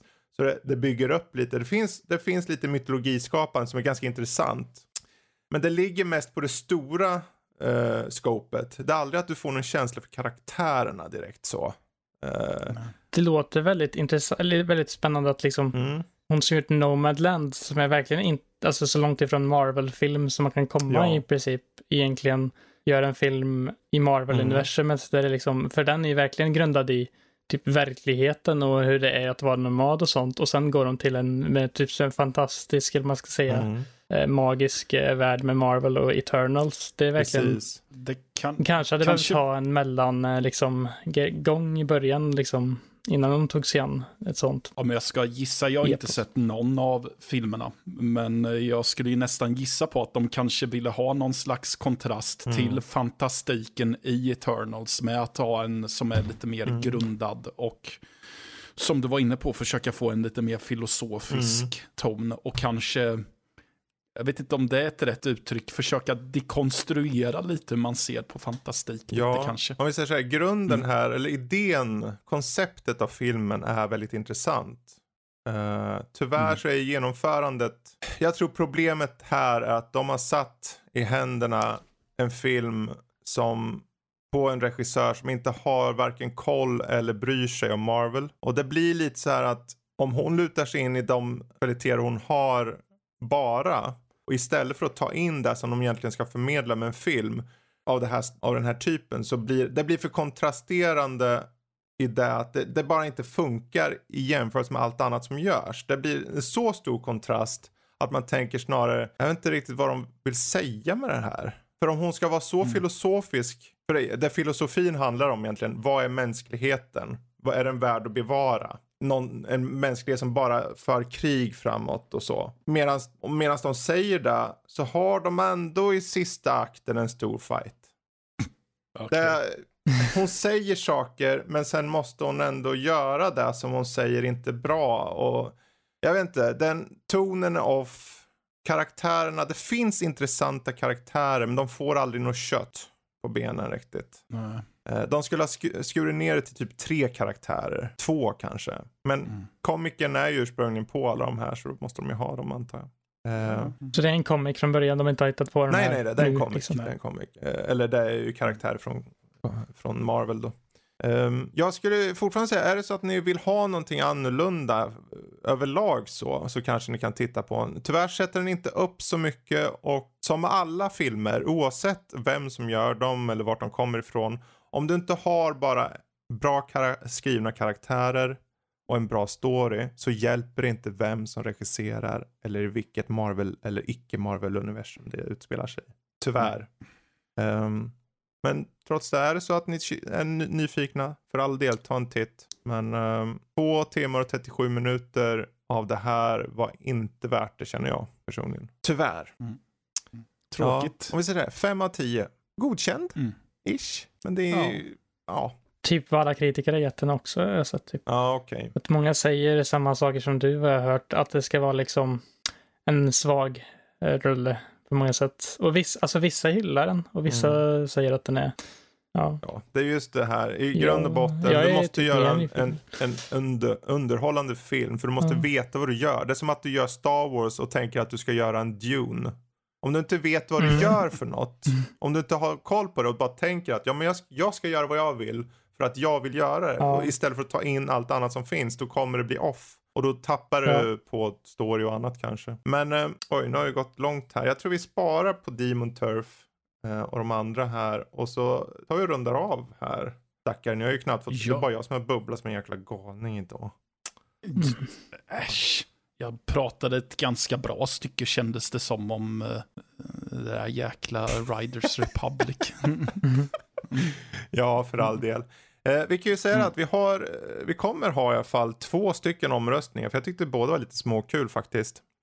um, mm. Men först och främst, den här veckans uh, omröstning då på vår Discord kommer vara månadens spelsläpp. Vilket av de spelen som vi tog upp då förut är du mest hypad för? Vi kommer kanske inte ta upp alla som släpps i hela november, utan vi kommer välja några så här förhoppningsvis pärlor. Ni får ju av säga om ni tycker de är pärlor, men Uh, och det, det, finns då på uh, Discord, vilket man hittar genom att gå in på nördliv.se, trycka på den här stora connect-knappen som finns till höger sida och så vitt så är ni inne.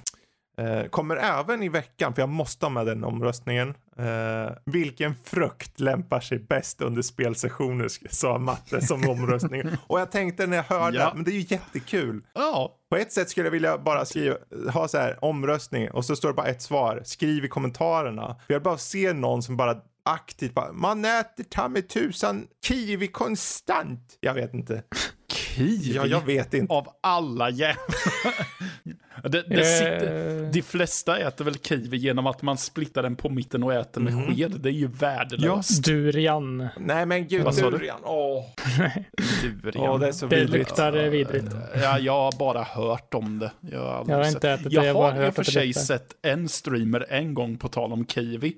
Som sket i det här att splitta på mitten och så, utan åt den bara som typ... Nej. jo, med det här bruna håriga skalet på fortfarande. Åt han Stackarn, han var, hade, han, ja. hade han inte alla hästar hemma så att säga? Det, det var en hon. hon Okej, okay. hon hade kanske inte mm. alla hästar hemma. Kanske. Kanske inte. Ja, durian. Mm. Ja, den lämpar sig inte mm. bra under spelsessioner kan jag säga det. Kan inte med den ändå som alternativ. Alltså den ser mest bara så otymplig ut att äta för att den ser så jävla mm. slafsig ut. Sen att den ja. smetar ut sin jävla odör och håller sig kvar. Alltså jag, är, jag, jag var ju förr gift med en thai och då var det ett par gånger den jäkla durian. Oh. Det värsta är när man tar in mortel och mosar ner den också. Det hjälper inte heller. Det luktar som avföring. Men uh, anywho, från avföring till det andra. uh, vi ska runda av här. Gud vad vi, vi slirar loss där mycket. Eller jag kanske, förlåt.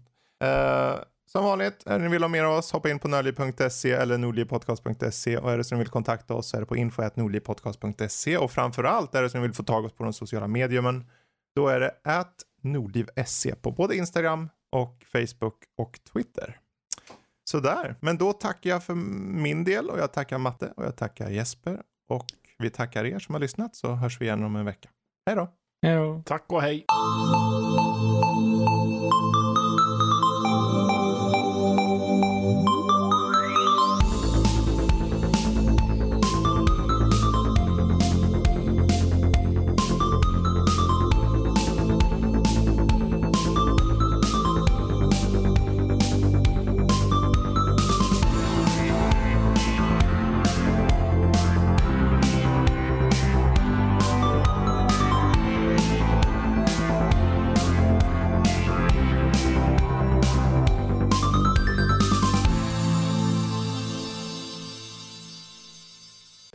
Inte för att generalisera, men alla som jobbar i gruva är rashatare. det är sant. Ja.